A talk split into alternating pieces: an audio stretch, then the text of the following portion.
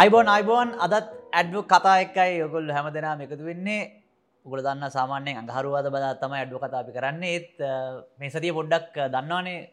සමහල්ලාට සාමාන්‍ය බාසාවෙන් කෙනගේ ඩාම්මෙනවා ඩුම්මෙනවා කොහමරය බයි සතිකට එක පාරක් ඇඩ්ඩු කතා කරන්න තම අපි බලාපොරොත්තු. මේ දවසල එක සාකච්ඡා යනවා. සමාජනං මහිතන්න අර ආසියාන කුසලාල ක්‍රිකට් මච්චකත් එක්ක ගොඩක් කටිය දැන් ක්‍රිකට් ගැන අවධාන යමු කරන්න බලාපොරොත්තු නමුත් ආර්ථිකමය පත්තෙන් ගත්තට පස්සේ පොඩි සාකච්ඡාවක් කරගෙන ඇත්තටම IMF එකේ දෙවෙනි වාරිකය අපිට හම්බ වෙයිද කියලා. අපි මේ කරන ප්‍රමාණය ඇතිද කියලා. නැත්නම් IMF දෙවෙනි වාරිකය ගන්න අපි පාස්ද කියලා බලන්න. ඉතින් ඒ පාස්ත කියලා අපි හොයාගෙන යද්දි ඇත්තටම අපිට හම්බුණා.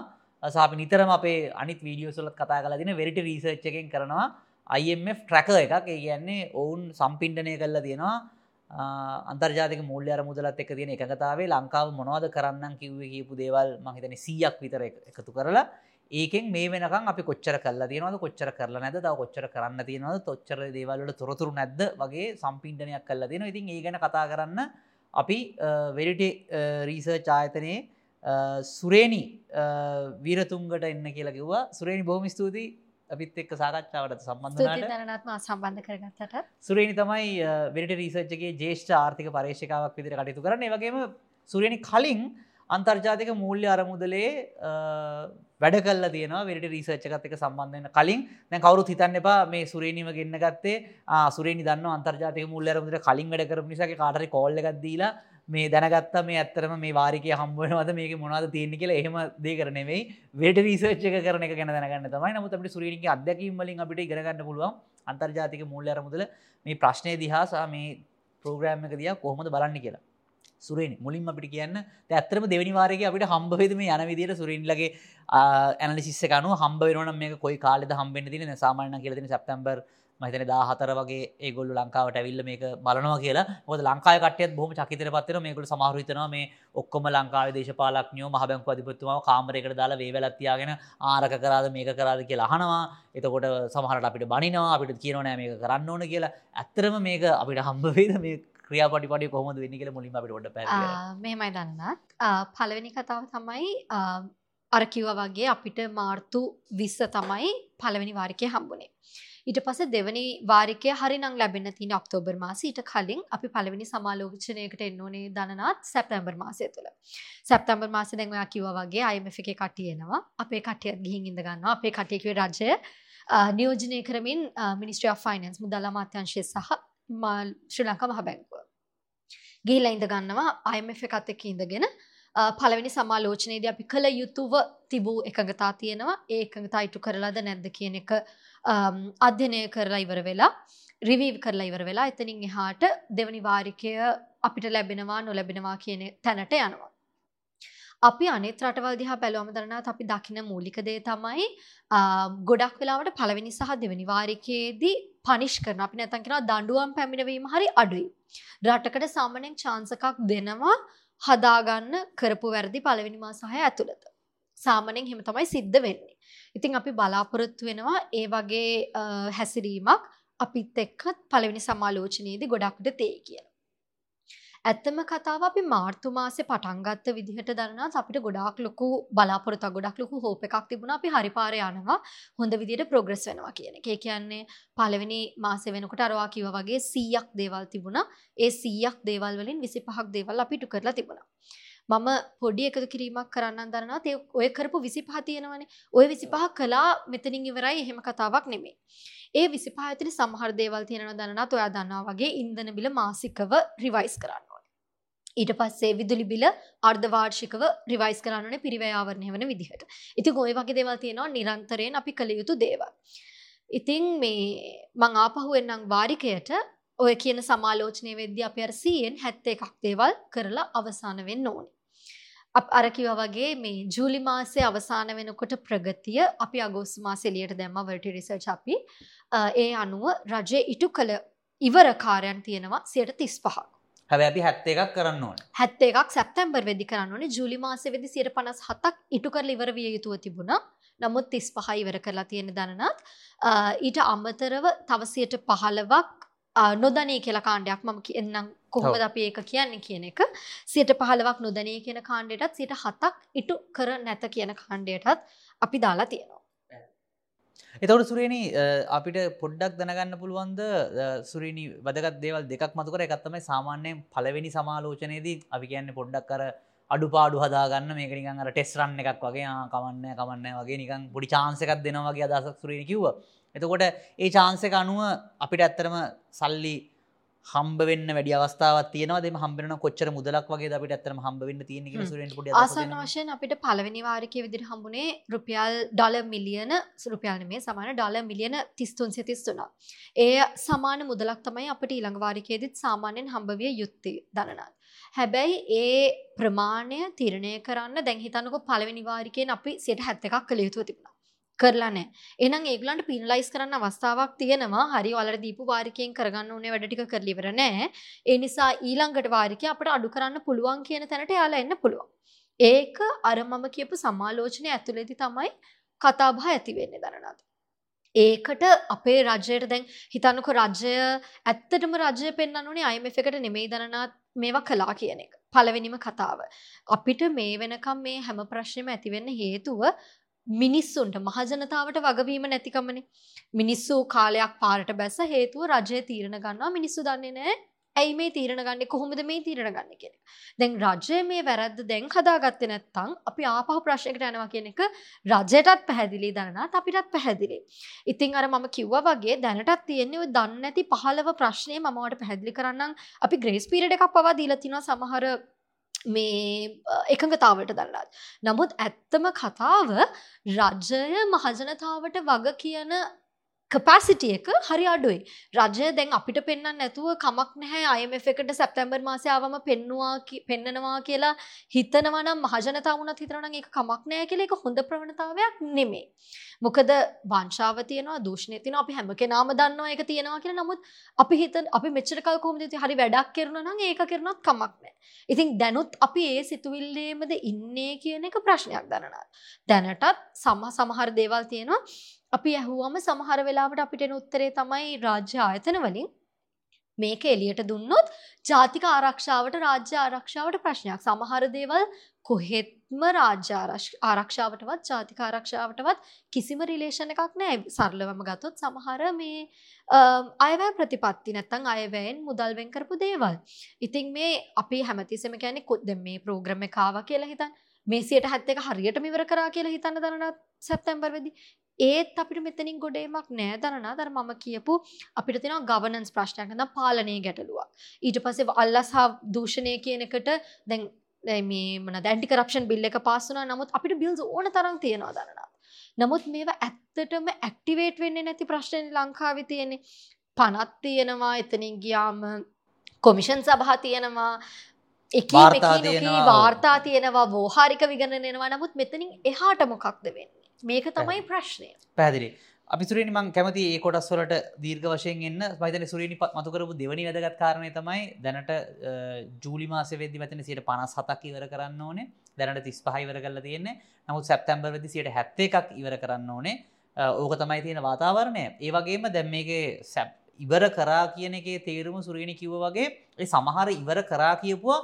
නැවත රිවස් වෙන්නත් පුළුවන්. දැන් උදාහරණයක් විදියට කනිජතෙල් සඳහා සූත්‍රයකට අනුකූලව මිල නියම කරන්න කියන එක ඇමතුමාට හෙටයිද නෑ. එහෙම නෙවෙයි තීරණය කරන්න කියලා රිවර්ස් කරොත් එහෙම ඒක නැවතවරක් වෙන්නේ නොකරපු එකක් විදිරට වෙලාහයි ඉස්සල්ල ගොලකුව මෙච්චරක් කරා කියලා. දැන් කරපු ප්‍රමාණය අඩුවනේ කොහොමද කියලා අඩුවෙන්නේ ඒ සමහරේවා කටිනිුවස්ලි කරන්න ඕන දේවල් බදු ප්‍රතිපත්ති සමහර දේවල් ඒ කරපු දේවල් දිගටම කරන්න ඕන. ඒවා අයවැයෙන් ඒවයි මේවයි නැවතවර කර රිවස් ගහන්න පුළුවන් ඒව කරන්න පුළුවන්. නමුත් කරොත් එහෙම මේ ආයි පාරක් අපි මේ ප්‍රතිප අපේ එකඟතාවේ එකඟතාවයන් නොකරපු විදියට තමයි වැටෙනවා හරි සුර ඔය රිවස් කියක අපිට හැමතිසිම ප්‍රශ්නයක් වුණා. ඇත්තටම මේ දන්නත් දනනක්ට මතකනම් දෙදස් දහනමේ විගන වාර්තාවක් කිලියටාව මේ මෑතකදී ඒ විගන වාර්තාවට අනුව දෙදස් දහනමේ අපි හිටියෙත් අයිම වැඩසටහන අපි මේ වෙනකං අයිම වැඩසටහන් දාසයකින්දල තියෙනවා මේ දාහත්වෙනි එක මේක එකම ටේප් එක මේ ඔය දාසයෙන් නමයයි සම්පූර්ණ කළ තියෙන දරනත්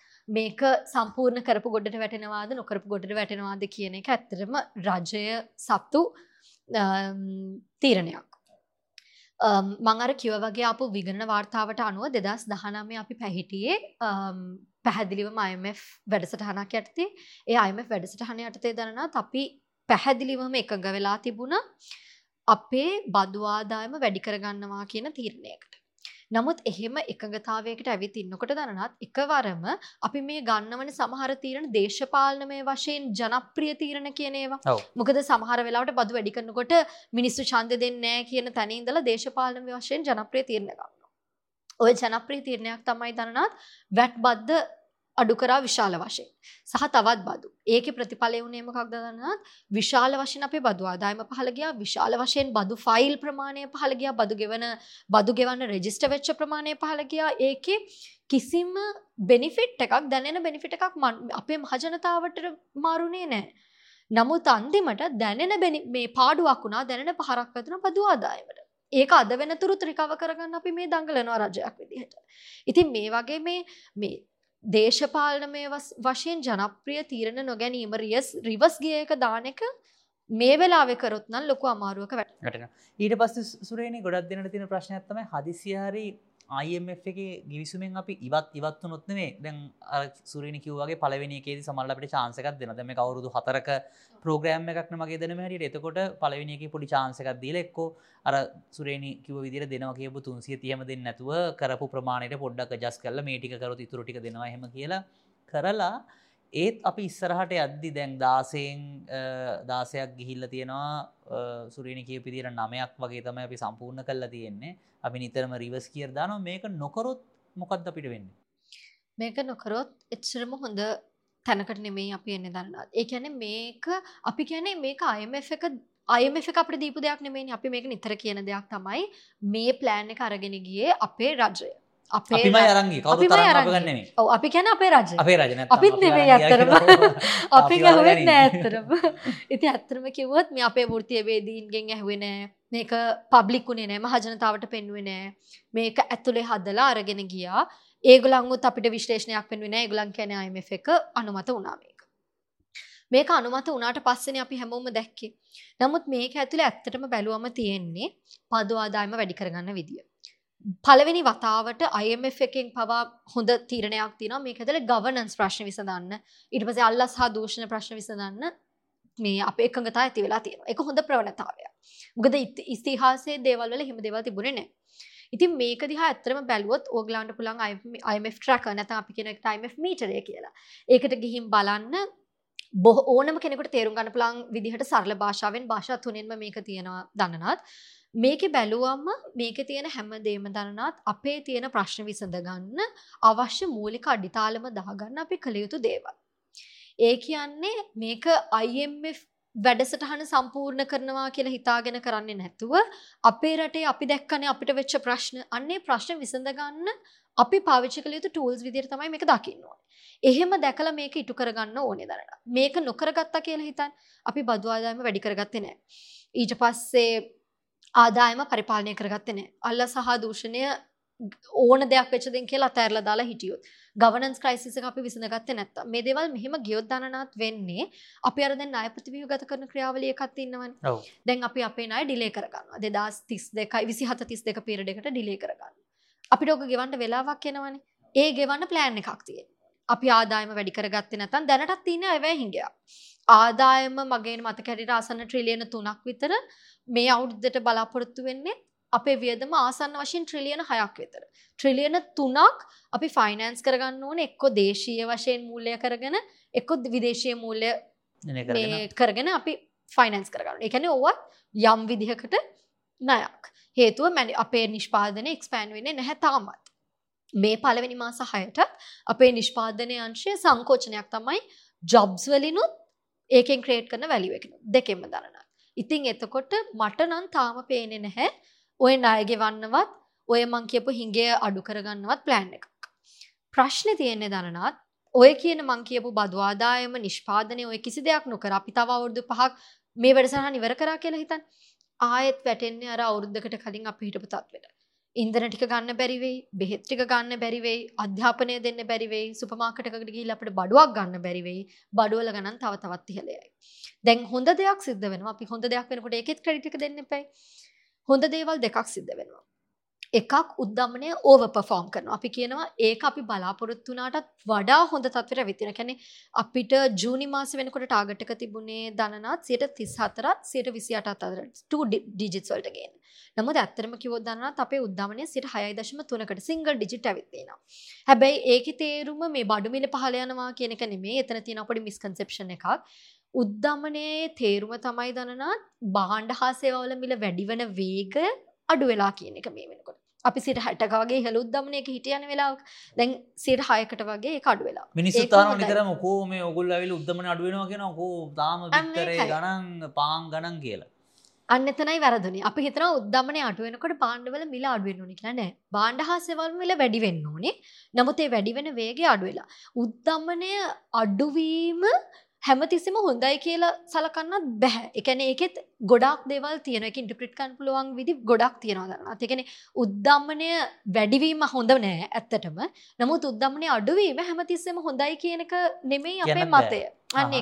එහෙම හැම? එකේම පැති කීපයක් තියෙන. දන්නත් දැන් මෙහෙම හිතන්නකො රටේ නිෂ්පාදනය අපේ දැන් එක්ස්පෑන් වෙන්නේ නෑ. නැත්තං නිෂ් දැන් හිතන්නු අපේ මේ සුළුහා මධ්‍ය පරිමාණ ව්‍යාපාර කොච්චර වැහිලා ගිහින්ද මේ ර- කාලය තුන තවමත් ඒක සිදුව සුළුහා මධ්‍ය පරිමාණ ව්‍යාපාර පැත්තක තියන්න.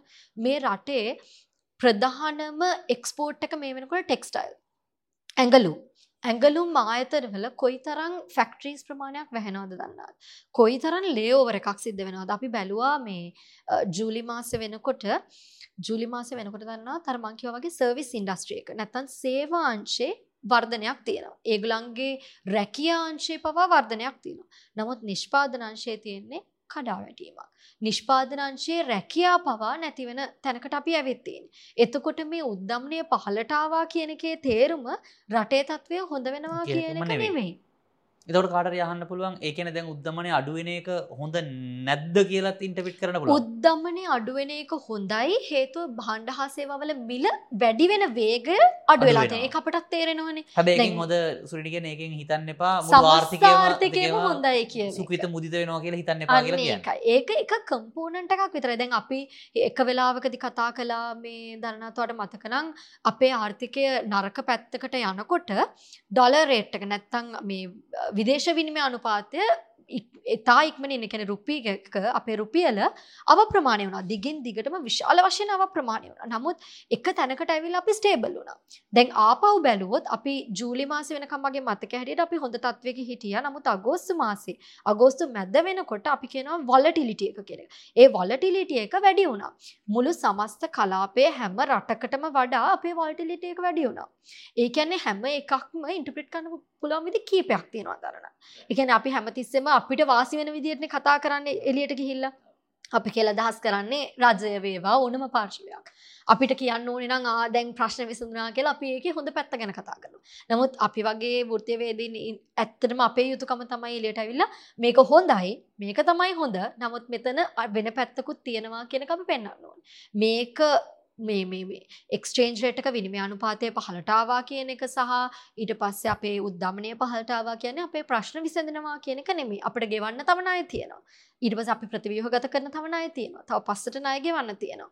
එතනින් එහාට ගියාම අපේ තාම අල්ලස් දූෂණ පනත් පස්සුනා CBSL පනත් පස්සුනා නමුත් ඒවා කොහොමද මෙතනින් එහාට ඉන් ඇක්ටිවේට් වෙන්න කියන එක බලන්න ගොඩාක් දේවල් විසඳ බලන්න. ගන්න තියෙනවා. දරනත් පැදිලි සුරේණි කිව්වා අන්තර්ජාතික මූල්‍ය අරමුදලේ මේ කිවිසුමෙන් අපි ඉවත්වනුත් එහෙම අමාරු තත්වකට පත්වෙනවා කියලා. ඒකම කවරට අනි පැත් ඇහොත්තේම ඒ කියන මේක මේ කොහොමරි සීයම සම්පූර්ණ කරොත්තේම අපි හොඳ තැනකට යනවා කියලා අපිට. ශවරන්ස එකක් දෙන්න පුළුවන්ද? ඒත් නෑ දරන. ඒත්න ඇයි එහෙම නෑ කියලා කියන්නේ? ඒකෙත් කියන්න අරමංගේ මේ අපි කරන බේසික්් එක හරියට නිකන්ගේ හදන අඩිතාලම දානවගේ ඩක් මේ කරගෙන අර කඩමුළුගේම කඩන් වටන එක වෙලාව අපේ ඔව්. මේ ගේ අලුතෙන් හදන්ඩ වෙනවාද ඒගේ අලුතෙන් හදන්න අපිට අඩිතාලමය දාණ්ඩ වෙන්නේ ඇයි දනත් අපි හදපු අඩිතාලම එච්චර හොඳ අඩිතාලමක් නෙමේ ඒක ඇතුළේ අරමංකය පල්ලසද දූෂණයද ස්ටැබිලිට එකක් නැතිකම්මද දේශපාලන ජන දේශපාල වශයෙන් ජනප්‍රියතිය නොයව මතන අපි මේගේ හදාගෙන හිටිය. කඩම් වැටනනේගේ දැන් අප අමුතුවෙන්ගේ හදන්න ඕනි. අමුතුවෙන්ගේ හදන්න නම් අර ප්‍රශ්නටික අමත වැ- අයින් කරලා අඩිතාලම දාන්න ඕන. ඒ අඩිතාලම විතරයි දනනාත් මේ වැඩසටහන්. උදාහරණයක් විදිහට කිව්වොත් අපි වලක ඉන්නේ ඒ වලෙන් එලියට යන්න අපිට මේ තියෙන ඉනිමගක් විතරයි මේ ඉනිමඟ උඩට නැගලා උඩට ගිහිල්ලා උඩ ඉන්න නම් තව දේවල් කරන්න වෙනවා. අර අපි කියපු ගොඩාක් දේවල් දැන් ඔය පාස් කරගත්ත බිල් වලට අනුව කටයුතු කරන එක. ඔය ඔක්කොටම වඩා හරි වැදගත් දනනත් නිෂ්පාදනය පුළුල් කරන්න ප්ලෑන් එකක් ගහන්න ඕනේ. ඊට පස්සේ අපේ සුළු හා මධ්‍ය පරිමාණ ව්‍යාපාරිකයින් වේවා විශාල පරිමාණ ව්‍යාපාරිකයින් වේවා ඒගලන්ට බිස්නස් කරගෙන යන ව්‍යාපාර කටයුතු කරගෙන යන සුදුසු පරිසරයක් දෙන්න ඕනේ. ලංකාවට ආයෝජකින් ආකර්ෂණය කරගන්න සුදුසු පරිසරයක් හදන්න ඕනේ. ඔයා බැලුවොත් ease of doing business එකේ අපි ඉන්න තැනයි කලාපයේ අනිත් රටවල් උදාහරණයක් විදිහට සිංගප්පූරුව මැලේසියාව ඉන්න තැනයි සහ අප්‍රිකානු රටවල් ඉන්න තැනයි බැලුවොත් හරි දුක හිතනවා දරනවා. ඇයි ආයෝජකයෙක් අපේ රටට එන්න ඕනේ? බිස්නස් එකක් කරන්න යාට ලොකු පරිශ්‍රමයක් ලොකු කාලයක් කැප කරන්න වෙනවනම් නිකන් පටන් ගන්න විතරක්. එහෙම එන්නේ නෑනේ දරනත්. ඉතින් ඒ නිසා අර මං කිව්වා වගේ ගොඩාක් දේවල් අපි තව කරන්න ඕනේ දරනත්. අර ඉනිමග නැගලා උඩට ගියාට පස්සේ ඇත්තම චැලෙන්ජ් එක පටන් ගන්නේ මම පුද්ගලිකව විශ්වාස කරන විදිහට මේ අවුරුදු 4 ගියාට පස්සේ 4 යනකම් යම් ගැරන්ට් එකක් තියෙනවනේ අපිට කවුරු හරි ඉන්නවා කියලා. එතනින් එහාට අපිට ප්ලෑන් එකක් නැති වුණොත් එතකොට අපි අමාරුවේ වැටෙනවා. මොකද එතකොට කියන්නේ අපි මේකත් අනාගත්තොත් ආයිත් IMF එක ගේන්නද. එහෙම හැමදාම කරන්න බැහැ. මතන සුරේනි වැදගත් කරුණක් මතක් කරේ මොකද ගොඩක් කට්ටිය හිතන් ඉන්නවා සමහරගෙන IMF එකෙන් අයින් වෙන්න ඕන කියලා. එහෙම කරේ නැති වුණත් අපි ලොකු ප්‍රශ්නයක වැඩෙනවා. ඒකේ තේරුම IMF එකේ දේවල් කරා කියලා කරන එක හොඳයි මුකුත්ම නොකර ඉන්නවට වඩා නමුත් කරා කියන එකේ තේරුම නැවත වරක් ලංකාව සංවර්ධනය වෙලා හරි ෂෝක් එකේ ඉන්නවා කියන එක නෙවෙයි. ඒක සුරේනි කියන්නේ අපි යම්කිසි අර කියන්නේ පොඩ්ඩක් උඩට මේ නොගිලී ඔළුව වතුරෙන් උඩ තියාගෙන හුස්ම ගන්න පුළුවන් වෙන්න නොකොරොත් එහෙම වතුර ගිලෙනවා.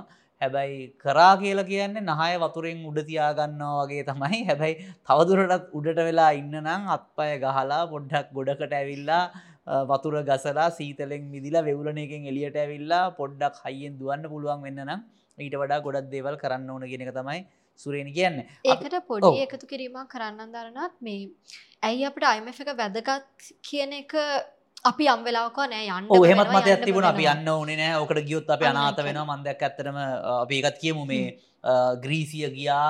එතකොට මන්දක ග්‍රීසි හිටපු හිටපු මුදල් අමාත්‍යවරෙක් වෙච් මතන වර් ෆෝකස් මගේ මතක නිවර්දින එතුම ඇවිල්ලා හෙම ගැලපෙන්නෑ කියලා කිව්වා. එහෙම මතයකුත් තියෙනවා. සුරේණය මොකක්ද සුරේණයකට කියන්න? ඒකෙති මම ඒක දකින මේ විදිහට දන්නත් ඒ කියන්නේ අපේ රටෙත් තිබුණනේ. කට්ටියක් යන්න ඕනේ යන්න ඕනේ යන්න ඕනි කිව කට්ටියක් නෑනෑ ඕකට කිවත් අපි තවත් ඉවරයි කියන තැනට තමයි හිටිය. ඔත්තන අපිට උනේ දනනත් අපිට ඉන්දන ටික ගන්න බැරිවුණ අකෙන අපි රිසර්ස් නැති වුණානේ. අපේ සංචිත නැති වුණ. ඉන්දන ටික ගන්න බෑ බෙහෙත් ටික ගන්න බෑ. අපි ගිය අවුරුදු දෙක වෙලාවක දිකෝ අපි මෙතනින් එහාට ඩෙත් සර්විස් පේමන්ට් නැත්නම් අපේ ණය පොලී කරණය කරන්නේ නැහැ එහෙම කරාම දනනාත් අපිට තිබිච්ච වෙළඳපළ ඇක්සස් එක කියලා අපිට කියනවා. ඒක සම්පූර්ණම නැති වෙලා ගියා. ද්වීපාර්ශ්වික සහ මූල්‍ය ණය වෙළඳපළ හිමියන් අපිට ණය දෙන්නේ නැතුව ගියා. එතකොට අර මං වගේ අපි යන්නේ හිඟයක් එක්කනේ. අපේ අය වැයට වඩා අඩුයි. එතකොට අනිවාර්යෙන් අපි කොහෙන් හරි සල්ලි හොයාගන්න ඕනේ දනනත් අපේ වියදම් කරන්න. අපේ මේ අවුරුද්දකට එස්ටිමේට් කරන ඇස්තමෙන්තු කරන වියදම් ටික කරන්න. අපිට ඒටික කරගන්න බැරිච්ච නිසා තමයි බෙහෙත් ටිකද කරන්ටක ජනරේට් කරගන්න බැරිනවා විදුලිය ජනරේට් කරගන්න බැරි වුණාට ඇතුලේ ගොඩක් දේවල් වුණා. අපිට ඒකෙන් නැති වුණේ ඔය අපි දැකපු සරල විදුලිය ඉන්දන බෙහෙත් කියන ටික විතරක් නෙමෙයි. අපිට එතන නැති වුණේ මාකට් කොන්ෆිඩන්ස් වෙළඳපොළ විශ්වාසය කියන එක. කිසි කෙනෙක් අපිට ණය දෙන්න ලෑස්ති වුණේ අපිට උදව්වක් දෙන්න කියලා හිටියේ ඉන්දියාවේ ක්‍රෙඩිට් ලයින් එක විතරයි. ආයේ බංග්ලාදේශයේ මං හිතන්නේ අපිට යම් ප්‍රමාණයක් දුන්නා. ඔච්චර තමයි අපිට දවක් දෙන්න පුළුවන් විදිහකට හිටියේ. වෙන කිසි කෙනෙක් විශ්වාස කරේ නැහැ. ඊට පස්සේ අපේ ණය ශ්‍රේණි ගත කිරීම දිගින් දිගටම දිගින් දිගටම පහළ වැටුණා. ඉතින් අපිට නැති වෙච්ච වෙළඳපොළ විශ්වාසය ඇති කරගන්න ලේසියෙන් බෑනේ. දැන් ණය ගෙවන්න නැතිකොට කවුද අපිට එහෙම විශ්වාසයකින් ණය දෙන්නේ? එහෙම දෙන්නේ නැහැ. ඒ වෙලාවේ තමයි අපිට IMF එක ඕන උනේ. IMF එක දුන්නේ ගැරන්ට් එකක්. IMF එක කිව්වේ ශ්‍රී ලංකාව වැඩසටහනක ඉන්නවා. යාලයාලගේ ප්‍රශ්න අවබෝධ කරගෙන තියෙනවා. යාලයාලගේ ප්‍රශ්න ෆික්ස් කරගන්නවා. මෙන මේ සීය කරමින් යාලයාලගේ ප්‍රශ්න ෆික්ස් කරගන්නවා. එයාලට සපෝට් එකට අපි ඉන්නවා. ඔයාලට පුළුවන් එයාලත් එක්ක මෙතනින් එහාට වෙළඳපළ කටයුතු කරමින් අනිත් ණයදීම් සහ ලබාදීම් කරගනිමින් ඉන්න කියන එක. අන්නේ අපිට දීපු සෙකියුරිටි එක නැත්නම් ඒ කොන්ෆිඩන්ස් එක තමයි යාළගෙන් අපිට ඕන උනේ. ඉතින් අර නැතිවෙච්ච මාකට් කොන්ෆිඩන්සක ලැබීමක් විතරයි දන්නනත් අපට අයිම එකෙන් ලැබුණේ.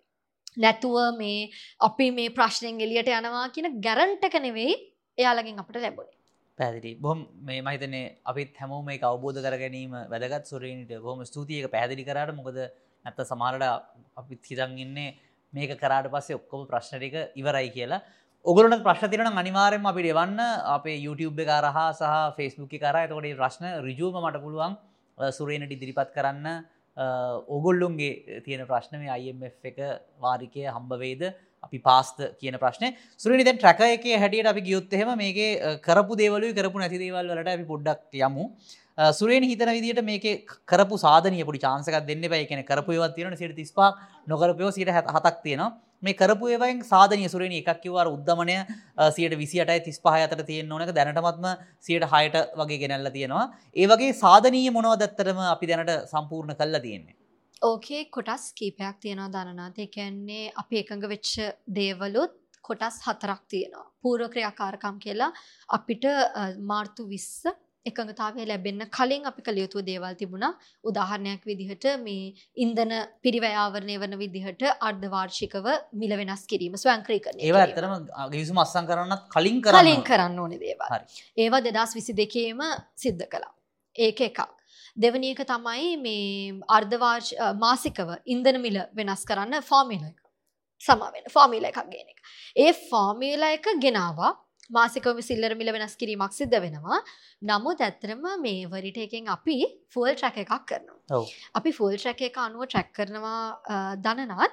ෆුල් මේ ෆෝමිලක තින ඉන්දන මිල. ෆෝමිල ෆෝමිල එක අනුව ප්‍රයිස් එක කියද මාකට් එකේ ප්‍රයිස් එක කියද? එගලං වෙනස් කන ප්‍රයිස් ඇත්තම කිව්වොත් අපි මේ වෙනකන් දකින ෆෝමිල එකෙන් එන ප්‍රයිස් එක දෙදස් දහටේ මේක මේ මුදල අමාත්‍යංශයෙන් තමයි මගේ මතකය හරිනම්. මේ මිල සූත්‍රේලියට කියලක් අන්න හරි. ඒ සූත්‍රයට අනුව දනනත් සූත්‍රයේ මිල තාමත් අඩුයි මේ සිල්ලන මිලට වඩා. ඒගන සුරනි කියන සූත්‍රයේ ඇත්තර එන්නවන මිලට වඩා වැඩිමිලක් අප වැඩිමිලකට තාම විකුණන්නේ. කාට දෙක බෙනිෆිට යන කියන අපි දන්න නෑ ඇයිම වෙන්න කියන එකක් දන්නෙත් නැහැ. නමුත් සූත්‍රයට වඩා සිල්ලරමිල වැඩි. නමුත් අපි ක්‍රඩිට් එක දෙමු. මේ අඩු ගන සූත්‍රය කරනවා. කියලා අදරයටත් හරි විදිරන මංහිතන මිල වෙනස්සෙන් නීමත මාස ප්‍රශ්න තියෙන සූත්‍රයක් තියෙනක හොඳයි. හැබැයි සූත්‍රයේ ඇතුළේ කමිෂන් තියෙනවනම් සූත්‍රය ඇතුළේ මේ අන්න එකයි සූත්‍ර ඇතුළෙත් සූත්‍ර තියෙනවනන්දම ප්‍රශ්නය ඒ දෙවල් විනිවිධ භාවයකින් කරන්න ඕනේ තව කෙරිච්ච හොඳ දෙයක් තමයි මේ ඇත්තරම ජූනි මාසෙ මේක කරන්න තිබුණේ නමුත් ජූලි 19 මේක කළේ මම මේක ගොඩක් කතා කරන දෙයක් මම මේ මේක එනකම් බලන් හිටිය ඇත්තරම මේ නව දූෂණ විරෝධී නෛතික රාමුව. ස්කෙටියෙන් කිව්වොත් අපි කියනවා ඇන්ටි කරප්ෂන් ඇක්ට් එක. ඇක්ට් එක ආවා. ඇක්ට් එක මම බැලුවා. ඇක්ට් එක කොච්චර හොඳද නැද්ද කියන එක තවදුරටත් ඒක මේ කියන්නේ ටෙක්නිකල් ඇනාලිසිස් එකකින් පස්සේ තමයි කියන්න පුළුවන්. දැන් නමුත් ඒකේ තියෙනවා කීප දෙයක් කරන්න. ඒගලම් බලාපොරත්තුන ස්වාධීන කමිෂන් සභාවක් ඇති කරන්න. ඒ මේ ඇක්ට අනුව නැතම් පනත අනුව. ඒ කමිෂන් සභාවට බලය තියෙනවා. අපි කියන වත්කම් බැරකම් ප්‍රකාශ කියලා. පුද්ගලයන්ගේ වත්කම් බැරකම් ප්‍රකාශ විමර්ශනය කරන්න පරීක්ෂා කරන්න සහ නඩු පවරන්න ඒ හැකියාව තියෙනවා සහ මන් දැකපු විශේෂ දෙයක් තමයි රාජ්‍ය සේවකීන් එකනේ මං හිතන්නේ එතනදි මං විශ්වාස කරනවා ආවරණය වෙනවා කියලා පොඩි කෙනාගේ ඉඳන් ලොකු කෙනා වෙනකම්ම රාජ්‍ය සේවකීන් අයථා ලෙස ධනවත් වීම. එහෙම තමයි කියලා ලියලම තියෙන්නේ. අයථා ලෙස ධනවත් වීම වළක්වන්නට අවශ්‍ය කාර්ය ක්‍රියාවට නංවන්න. ඒ කාර්ය මොනවද කියලා නැහැ. මම විශ්වාස කරනවා ඒ කමිෂන් සභාව ආවම සමහර විට මීට වඩා ඩීටේල්ලි දේවල් අපිට දකින්න පුළුවන් වෙයි කියලා.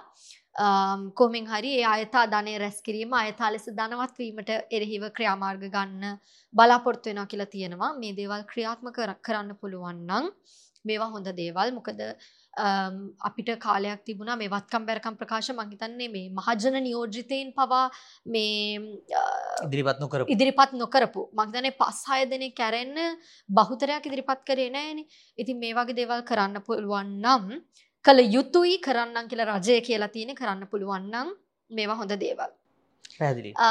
ආපහු හොඳ දේවල් කීපයක් ගත්තොත් දැන් මහ බැංකු පනත අප්‍රේල් මාසේ. ඇත්තටම මේ පාර්ලිමේන්තු අනුමැතිය ගන්න තිබුණේ ඒක දැන් ජූලි මාසේ විසි වෙනිදා වෙනකොට ඒකට අනුමැතිය ගත්තා. ඒ වගේ හොඳ දේවල් කීපයක් තියෙනවා. නොකරපු දේවල් විදිහට මේ හතක් තියෙනවනේ මං කිව්වේ මොනවද නොකරපු දේවල් නොකරපු? දේවල් හත තමයි ඇත්තටම අපි කරදර විය යුතු අර කළ යුතුව තියෙන ඉස්සරහට කළ යුතුව තියෙන සිට 43 ගැන වැඩි කරදරයක් වෙන්න අවශ්‍ය නැහැ දරණාත් මොකද ඒවා ඉදිරියේදී කරන්න තියෙන දේවල්. නමුත් මේ නොකරපු දේවල් හතක් තියෙනවා දරණාත් පළවෙනිම කාරණා කීපය තමයි එකක් මේ අපේ රාජ්‍ය සංස්ථාවල වාර්ෂික වාර්තා පළ කළ යුතුව තිබුණා ජූනි මාසේ වෙනකොට. හරිනම් දනනාත් ඕනම රාජ්‍ය සංස්ථාවක් තම මාස හයක් ඇතුළත යාලගේ වාර්ෂික වාර්තා පළ කරන්න ඕනේ. හැබැයි ජූනි මාසේ වෙනකොට මේ වෙනකොටත් අ, රාජ්‍ය සංස්ථා පනස් දෙකෙන් රාජ්‍ය සංස්ථා එකොළහයි වාර්ෂික වාර්තා පළ කළ තියෙන්. අවුරුදු ගානක් යනකං යාල වාර්තා පල නොකරපු රාජ සංස්ථා තිබුණා මෙන්න මේ වැඩසටහන අයම වැඩසටහනේ ප්‍රතිඵලයක් විදිහට දෝ මන්ද එක පාරට ජුනිමාසේදී අන්න අඩිටඩ් ෆයිනන්ශල් ස්ටේටමන්ස් විගණනය නොකරන ලද ආම්, වාර්ෂික වාර්තා එලියට දැමීමක් සිදු කලා නමුත් ඒවා මේකෙදි කවුන්ට් වෙන්නේ නෑ දරනත්. ඒක තමයි පළවෙනිම නොකරපු දේ. දෙවනි දේ තමයි මේක මාර්තු මාසි කරන්න තිබුණේ මේ මේ විනිවිධ භාවය සඳහා වූ මූල්‍ය විනිවිධ භාවය සඳහා වූ මාර්ගගත වේදිකාවක්. සාඩලෝම කිවොත් ෆිස්කල් ට්‍රන්ස්පේරන්සි වෙනුවෙන් ඔන්ලයින් ප්ලට්ෆෝර්ම් එක. මේ ඔන්ලයින් ප්ලට්ෆෝර්ම් එකට දේවල් තුනක් දාන්න ඕනේ දරන පළවෙනි එක තමයි මේ සුකෝපභෝගී වාහන ගෙන්නනකොට බදු නිදහස් කිරීම ලබන පුද්ගලයන් සහ සමාගම්. සමාගම් මොනවද කියලා? ඊට පස්සේ බදු විරාම ලබන සමාගම්. තුන්වෙනි එක තමයි රජයේ ප්‍රසම්පාදන කොන්ත්‍රාත්. ඔයවා ඔක්කොම සාමාන්‍යයෙන් කොහොමත් රජයෙන් හදන ලේඛන. ඉතින් ප්ලට්ෆෝම් එකට දාන්න. ඔන්ලයින් ප්ලට්ෆෝර්ම් එකට දාන්න හරි සරල වැඩක් තිබුණේ. නමුත් මේ වෙනකනුත් ඒක කෙරලා නැහැ දරනත් කෙරුණා ඒක මෙන්න මේ විදිහට එක ඩොකියමෙන්ට් එකක් මුදල් අමාත්‍යංශයෙන් දැම්ම. රුපියල් බිලියන රුපියල් මිලියන 83ක් පෙන්නවා එතන මේ සුකොපභෝගී වාහන අවුරුදු දෙකක් තුලදී ගෙන්නපු මේ ගෙන්නනකොට ලැබිච්ච බදු නිදහස් කිරීම විදිහට. ඊට පස්සේ අ, කොළ දෙකක් ඩොකියමෙන්ට් එකක් දැම්මා පහුදරනාත් මේ අ, බදු විරාම ලබපු නැතම් බදු නිදහස් කිරීම ලබෝ සමාගම්වල ආම්, මාර්තු ඔය දෙකම දැම්ම අප්‍රේල් මාසේ ඊට පස්සේ සෞඛ්‍ය අමාත්‍යංශයෙන් ඇතරම ප්ලට්ෆෝර්ම් එකක් හැදවා හැබැයි ඒක කවුන්ට් වෙන්නේ නැහැ මොකද මේ අමාත්‍යාංශයට විතරයි. අන්න ඒකයි ගවර්න්මන්ට් වයිඩ් එකක් තමයි අපි අග්‍රි වෙලා තියෙන්නේ right. සෞඛ්‍ය අමාත්‍යංශයෙන් හදපු එකේ යාලා මේ වෙදි දාලා තියෙනවා ප්‍රසම්පාදන ක්‍රියා හතකට අදාළ කොච්චරක් ගත්තද ඒකට කොච්චරක් වැය කළාද කියලා නමුත් කොන්ත්‍රාත් එතනත් නැහැ. එතකොට මේක ඉටු කරලා නැති ගණයට තමයි ඒ නිසා වැටෙන්නේ. ඊළඟට ආපහු තිබුණ සූදු සහ ඔට්ටු බදු අපි මේක හරියට කතා කරනවා දරන අති කියන්නේ මේවා තමයි එකතු කරගන්න පුළුවන් සහ සාමනෙන් ඔට්ටු සහ සූදු දාන්නේ ආදායමක් උපයන ධනවත් කියන පාර්ශනික සරලොමකොත් කැසිනෝ. මෙතනදි දනාත් මේ කොහොමත් කැසිනෝවලට තියෙන එච්චර හොඳ හිස්ට්‍රේ එකක් නෙමෙයි මේ බදු ආදායම පැත්තෙන් ගත්තාම. එකැනෙ මේ වෙනකං පනත්කී වාර ගානක පනත් ඇවිල තියෙනවා බදු මේ විශේෂෙන් මොය මේ එන්ට්‍රන්ස් වී කියලක නැතුල්වී මේ ඔව්. ගස්සු ඉහළ දාන්න බහර ගානකදි පනත්තාව මම දැක නමුත් කෝප් විදිහට ඔක සාකච්ඡා කරා ප්‍රශ්න ගොඩක් ඇහුවා. ඔව්. ඒක ඩොල දෙසීයක් කරන්නත් එක පුද්ගලයකුට ඇතුල් වෙන මේ එක වෙලාවක දියාව ඒවා කවදාවත් කෙටුම් පනත් කෙටුම් පත්තාවා නමුත් ඒවා ඇත්තටම පනතක් බවට පත්තුනේ නෑ කෙටුම් පතෙක් නවතිනවා. දැන් ආපහු මම දැක්කා මේ හරිනං ජූනිමාසි කරන්න තිබුණේ වැඩි කිරීමක්. එතකොට අන්තිමට ස්ටේටස් කෝ කියන්නේ ඔරිජිනල් තිබිච්ච එක. දෙදස් පහලවට අනුව ඕක තිබුණ ඩොල සීයක පුද්ගලයකුට. දැන් ඒ අලුත් කෙටුම් පතක් දාලා මම දැක්කා ගෝසු විසියෙක් වෙනිදා එක ඩොල පණහටය අඩු කරලා. නමුත් එකගතාව තින සුදු සහොට්ටුව ලීමට අදාළ බදු ඉහල නැගීම. සෝ මේකත් කරපු නැති කාණ්ඩයට තමයි වැටෙන්නේ. මම. සරලව මිතුරු තුන. පළවෙනි එක එතන එක අතුරු ප්‍රශ්නයක් අහන්න සුරේ දැන් දැන් මේ අර ට්‍රන්ස්පේරන්සික පෙන්න්න ප්ලට්ෆෝර්ම් එකක් හදනව කියපු එක තකොට සෞඛ්‍ය අමාත්‍යංශ විතරක් දැම්මට එක ගැලපෙන්න්න එතකොට මේ ඇවිල මුළු රජයේ තියෙන හැම එකන අමාත්‍යංශ රජයට ඇති ව්‍යාපාරයේ හැම එකක මේක සියලු. දාන්න ඕනේ ඔව් සියලු දේවල් සහ මේ සෞඛ්‍ය අමාත්‍යංශත් දාලා තියෙන ප්‍රසම්පාදන කොන්ත්‍රාත් නෙමෙයි ඇත්තටම. ඒ කියන්නේ මෙතනදී මම විශ්වාස කරන විදිහට එතන බලාපොරොත්තු වෙන්නේ මේ කොන්ත්‍රාත් කම්පිටිටිව් බේසිස් එකකට ඔෆර් කරනවාද කියන. එක. විශේෂයෙන් මේ දීපු කාටරි දීදක දානවා කියන එක නෙවෙයි නමුත්. අපි බිට් කරන්න හැමෝටම විවෘත කරනවා එතකොට ඕන කෙනෙක්ට ඇවිල්ල මේ හරහා තරඟකාරී විදියට හරි. ඉල්ලුම් කරන්න පුළුවන් අන්න එතන විනිවිධ භාවය සහ සාධානද කාටවත් කමිෂන් එකක් යන්නේ යන්නේ නැහැ නැහැ. කියන එක තමයි ඔතනදී සහ වැදගත්. මිල සහ ගුණාත්මක භාවය අනුව දෙකම. හොඳම ඉල්ලුම් කරන කෙනාට ලැබෙනවා ප්‍රදානය කියන කරන්න. තමයි. පැහැදිලි සුරිනි තව දෙයක් කියන්න උත්සාහ කරා මම ඒතකොට තමයි නැවතුනේ. ඊට පස්සේ ආපහු මේ අර මං කියවා වගේ කරන්න තිබුණ ජූලි මාස වෙනකොට කරන්න තිබුණ දේවල් වලින් නොකරපු දේවල් තමයි දනනත් මේ බැංකුවල ගුණාත්මකතා සමාලෝචනයක් කරන්න තිබුණා ඒක කෙරිලත් නැහැ තාම මගේ මම දැක්ක පුවත්පත්වල වාර්තා කරලා තියෙනවා අර මම හිතන්නේ මොකක් හරි පිටරට සමාගමකට දීලා මගේ මතකේ නිවැරදි නම් බැංකුවල අර ඇසට් ක්වොලිටිස් ඔව්, කියන එකක් කරා asset ඒකද ඒක තමයි නමුත් ඒක මේ මේ ජූලි මාසේ වෙනකොට කරලා තිබුණේ නැහැ. මේ අවසානයේ වෙන්න කරලා තිබුණේ නැහැ. ආපහු ඊළඟ එක තමයි මේක නම් මෙතනින් එහාටත් කරන්න විදිහක් නැහැ. හේතුව තමයි ඒකට ඩෙඩ්ලයින් එකක් තිබුණා. ඒ කියන්නේ පළවෙනි කාර්තුවේ බදු ආදායම රුපියල් බිලියන 650ක් අ, එකතු කරගත යුතුව තිබුණා. ඒක අපි එකතු කරගත්තේ රුපියල් බිලියන 578ක් විතරයි. ඒක ඉතින් මෙතනින් එහාට ගියත් ඒක ටික් කරගන්න ගන්න බෑ. නමුත්. අනිත් දේවල් ටික් කරගන්න පුළුවන් දේවල් තියෙනවා. පැහැදිලි. එතකොට ඒකම සුරේනී දැන් සුරීන්ලගේ පලට්ෆෝර්ම් එක තියෙන තවත් එකක් තමයි විශේෂයම අපිත් නිතරම කතා කරන මේ රජයටයිද ව්‍යාපාර සම්බන්ධව සුරේනිකිව කැබිනට අපරුවල්ලොන් රීස්ට්‍රක්ෂරින් ප්ලන් ෝ කියස්සෝ ස්ථාම එක වෙලා නැද සුරේණය කියන්නේ මන් දැක්ක දැන් අපේ මේ අර සේටෝ ඉන්ටප්‍රයිස් රීස්ට්‍රක්ෂ කරන යුනිට්ටයක් හදල තියෙනවා. ඒකෙන් මන්දක සුරේෂා මහත්මය කියනවා ඒක අලුත් රජයට අයිති ව්‍යාපාර කළමනා කරණය කරන පනතක් හදනවා කියලා. තාම ඒක වෙලා නැති විදියට මාක් කල්ල තියෙන්නේ. ඒක කැබිනට අනුමැතිය තාම ලැබිලා නෑ ඔත්තන කී ස්ටේට ඕන් එන්ටර්ප්‍රයිසස් කියලා හතරක් තිබුණා. ඔයා බලන්න දරනාත ඒක තියෙනවා. තෙල් සංස්ථාව අ, විදුලි අ, මණ්ඩ- බල- බල මණ්ඩලය ආපහු මේ ආර්ඩඒක මාර්ග සංවර්ධන අධිකාරිය සහ ශ්‍රී ලංකන යාලයින්ස් ඔය හතර තමයි තියෙන්නේ නමුත් ඕකට තාම කැබිනට අනුමැතිය ලබාගෙන නැහැ. අ, දන්නාතේ නිසා තමයි ඒක නොකළ ගණයට වැටෙන්නේ.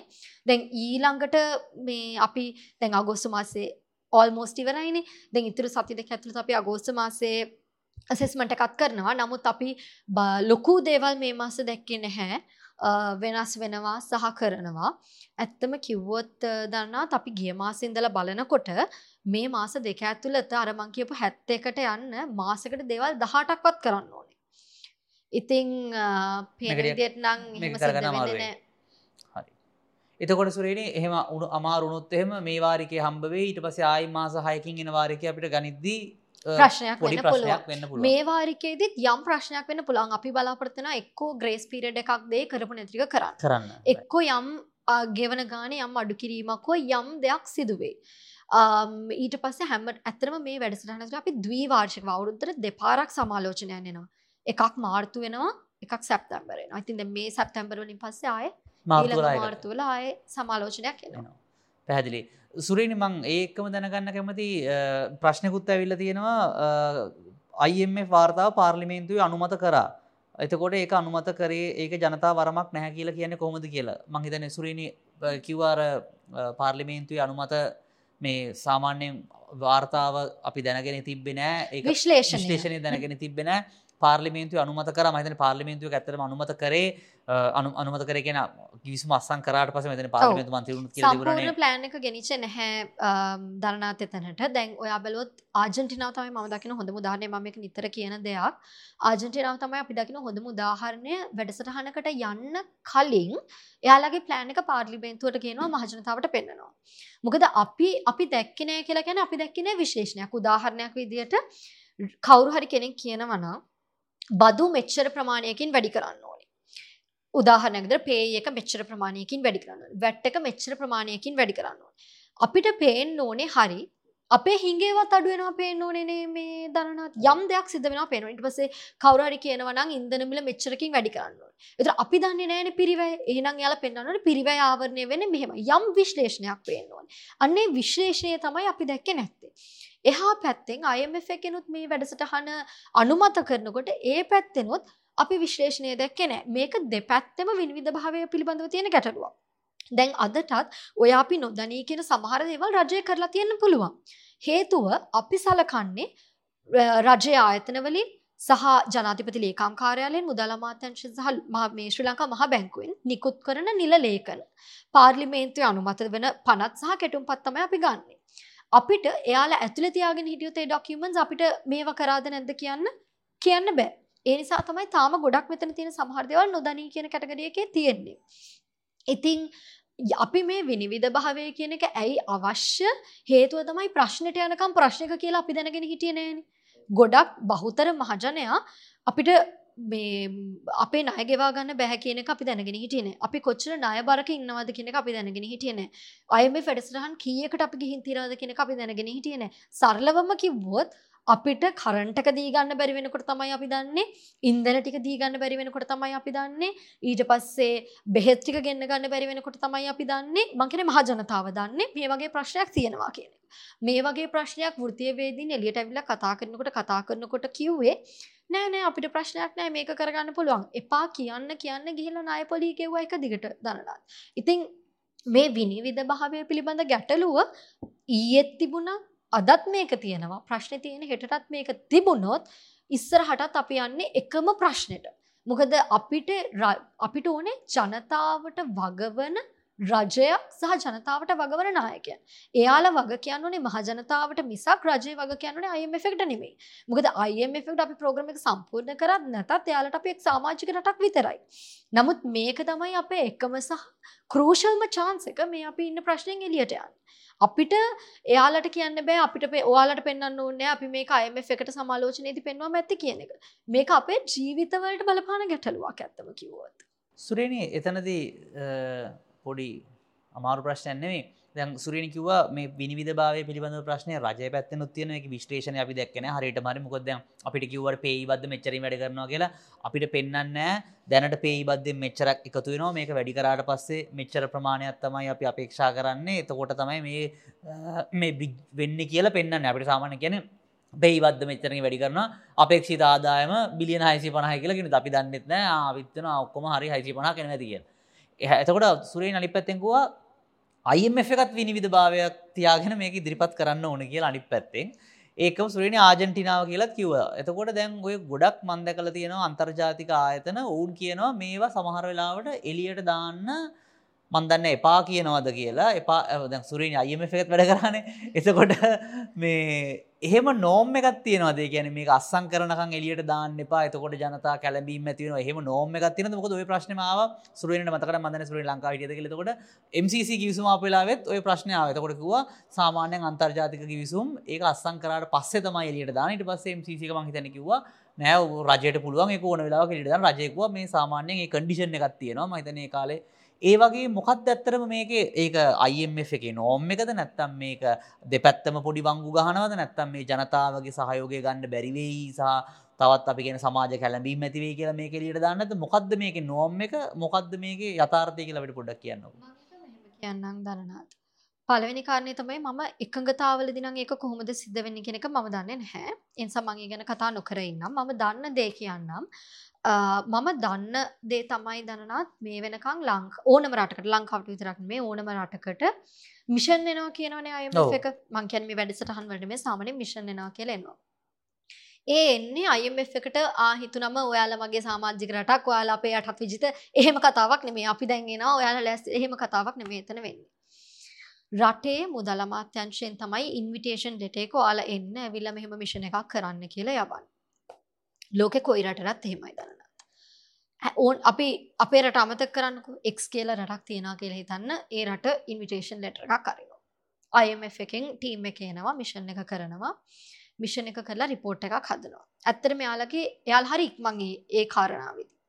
අපි තනක මාසයක් ගයා කියලා රිපෝට් එක හදන් ඒ රිපෝට් එක හදලි උන්නාට පස්සේ දානනත් ඒ රිපෝට් එක එයාලා ඇතුළේ ලොකු රිවී ප්‍රොසෙස එකක් තියෙනවා.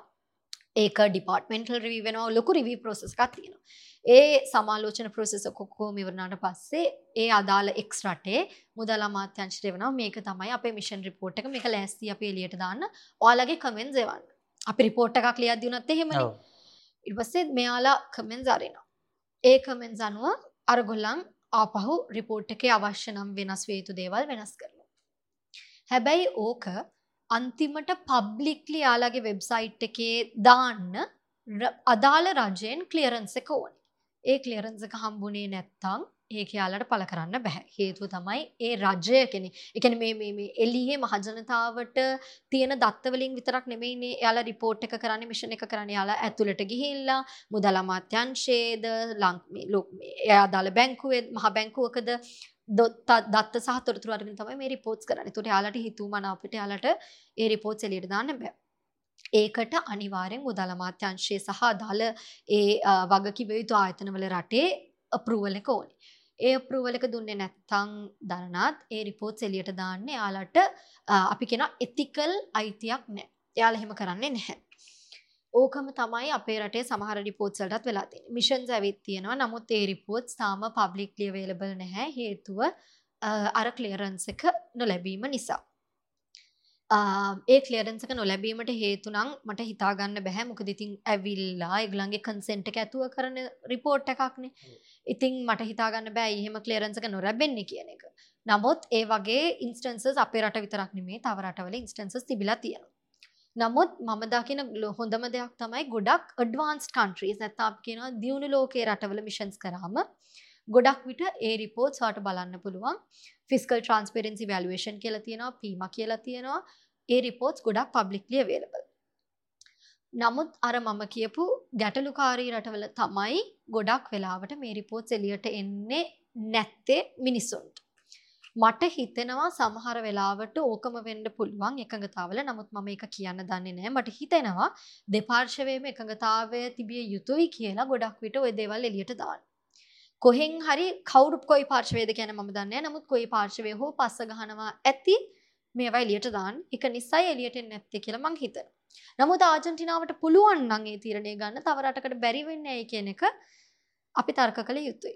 සුරනි අයමF එක වැඩ කරපු නිසා එකනේ අදාළ රජය එකඟ වුණොත් එහෙම අනිවාරෙන්ම අන්තර්ජාතික මූල්‍ය අර මුදලේ බැඳීමක් නැහැ බැඳීමක් කියන ඕන් එක නවත්තන්න යන්න මේක ජනතාවට ඉදිරිපත්වීම. වලක්වන්න නෑ ගෙන ගිවිසුම අත්සං කරන්න කලින් රජය කැමතිනම් ඒක ජනතාවට මම ගිවිසුමකදී මම ඒක දන්නේ නැහැ. නමුත් මම හිතනවා ආජන්ටිනාවට ගිවිසුම එලියට දාන්න පුළුවන් නම් අපිට. දාන්න බැරි වෙන හේතුවක් නෑ කියන එක. නමුත් අර රිපෝට්ස් කියපු මිෂන් රිපෝට්ස් වලදී රජයේ එකඟතාවය අවශ්‍යයි. එක අවස්ථාවක් මහිතන තිබුණා මට මතකයි මට මේ ආර්ථික අර්බුදය කාලයේදීම IMF එකෙන් දීපු සමහර නිර්දේශ රජය එකඟ වෙලා තිබුණ නෑතකොට මට මතක IMF රිපෝට් එක යටින් වෙනම ෆුට් නෝට් එකක් විදිර දාලා තිබුණ මේ අහවල් එකට අහවල් එකට කියලා කියන අදහල එකඟතාවයට ශ්‍රී ලංකා රජය දීපු ඒගොලුගේ වෙනස් අදහසක් තිබුණ කියලා. එක ම හිතන්න වෙනම සඳහන් කරපු මට එක රිපෝට් එකක් මතකයි. මේ මෑතකද එකක්. ඒ වගේ අදහසකුත් අ, තිබුණ. මගේ මතකේ තියෙනවා. හරි. අපි ඊළඟ කෑල්ලට යමු අ, සුරේනි. දැන් එතකොට සුරේනී අ, නොකරපු කෑලි ප්‍ර- අ, යම් ප්‍රමාණයක් කිව්වා.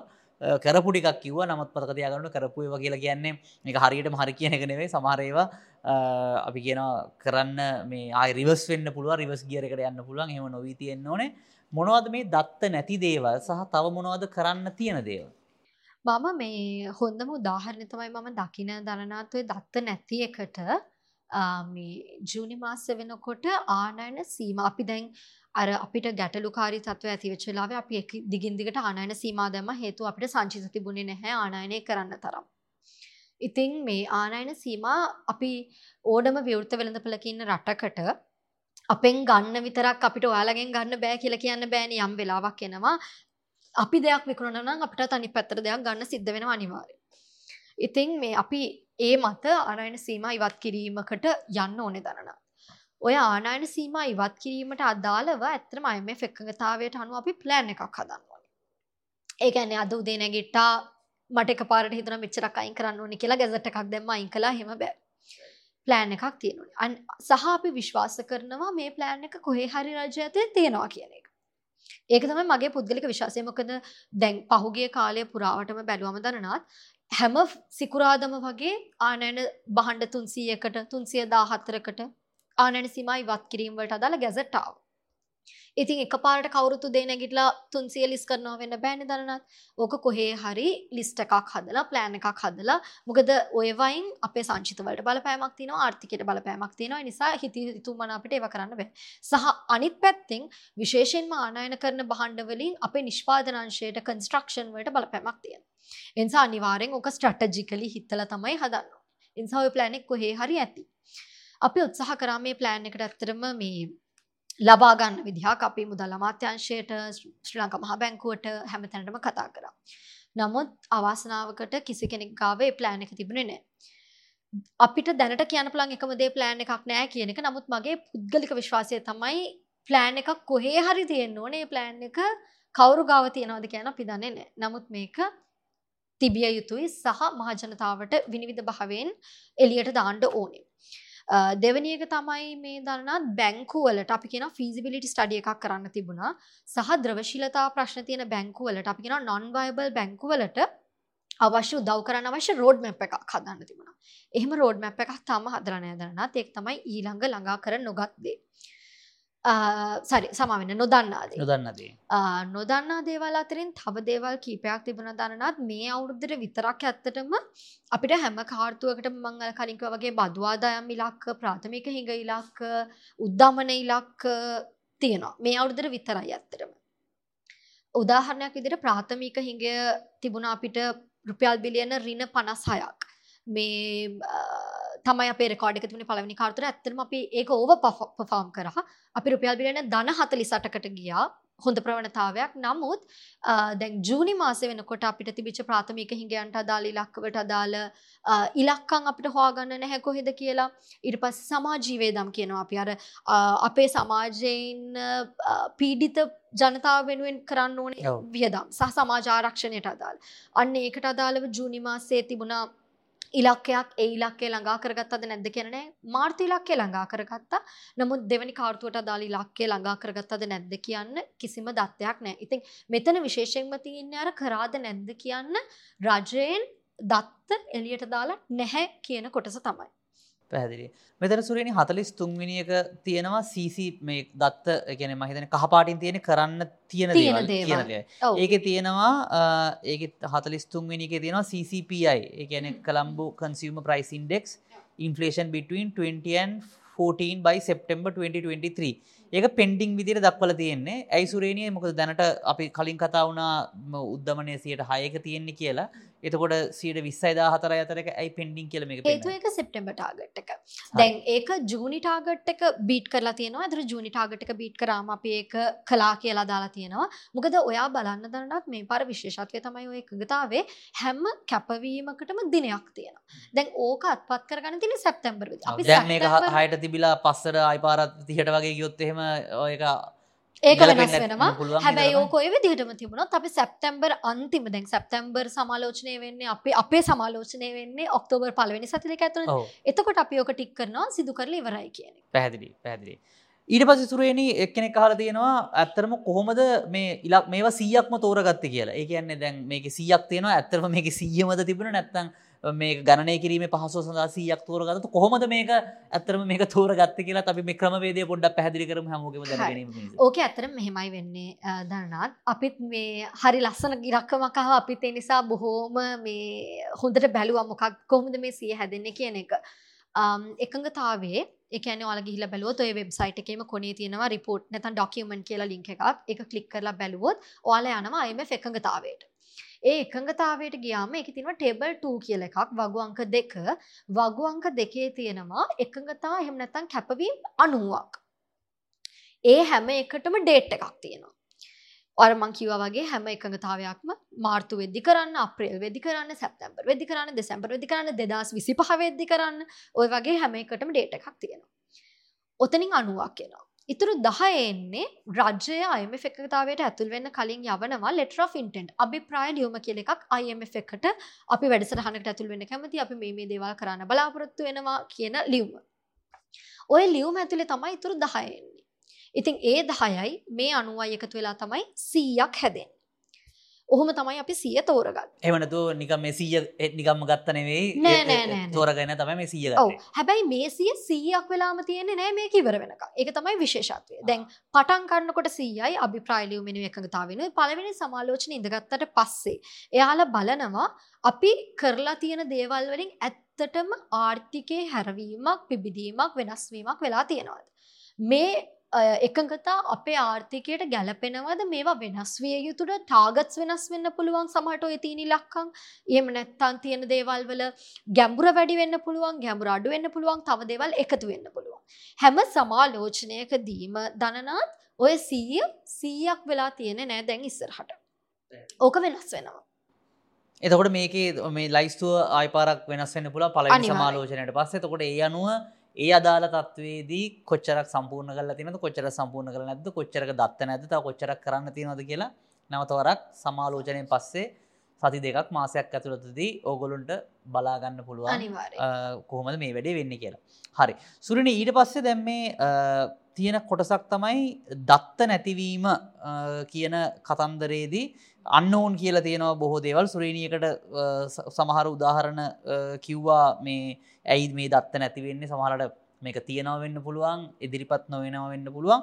මේට සුරනි ගෝධන කියන්නේ කියන්න ලේසි මේ ඕගොලොන්ට හොම ඇවිල්ල ඕක කියන්න ලේසිව කරන කට්ටිය තමයි දන්න ඕක කොච්චර අමාරුද කියලා. මොනවද වෙරිටේකට තියෙන යෝජනා? දැන් මේ දත්ත ඉදිරිපත් කරන්න මේවා එකතු කරන්න.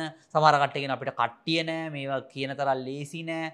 කොහොමද ඇත්තටම මේ ලංකාව ඕව ස්ටාෆ්නේ ඔව් ලංකාවේ රාජංශය පබ්ලික් සෙක්ටක ඕව ස්ටාෆ්නේ ලංකාවේ පබ්ලික් සෙක්ටක තිහා බැලුවොත් බ්ලෝටඩ් පබ්ලික් සෙක්ට එකක් කියලා කියලා එකන්නේ අපිට අවශ්‍ය ප්‍රමාණයට වඩා අපිට ශ්‍රමය තියෙන ඇතුළේ පඩිගෙවන වච්චරට ඉතින් මේ ඔය ශ්‍රමය නෑ කියන එක නම් එකග වියන හැකි කාරණාවක්.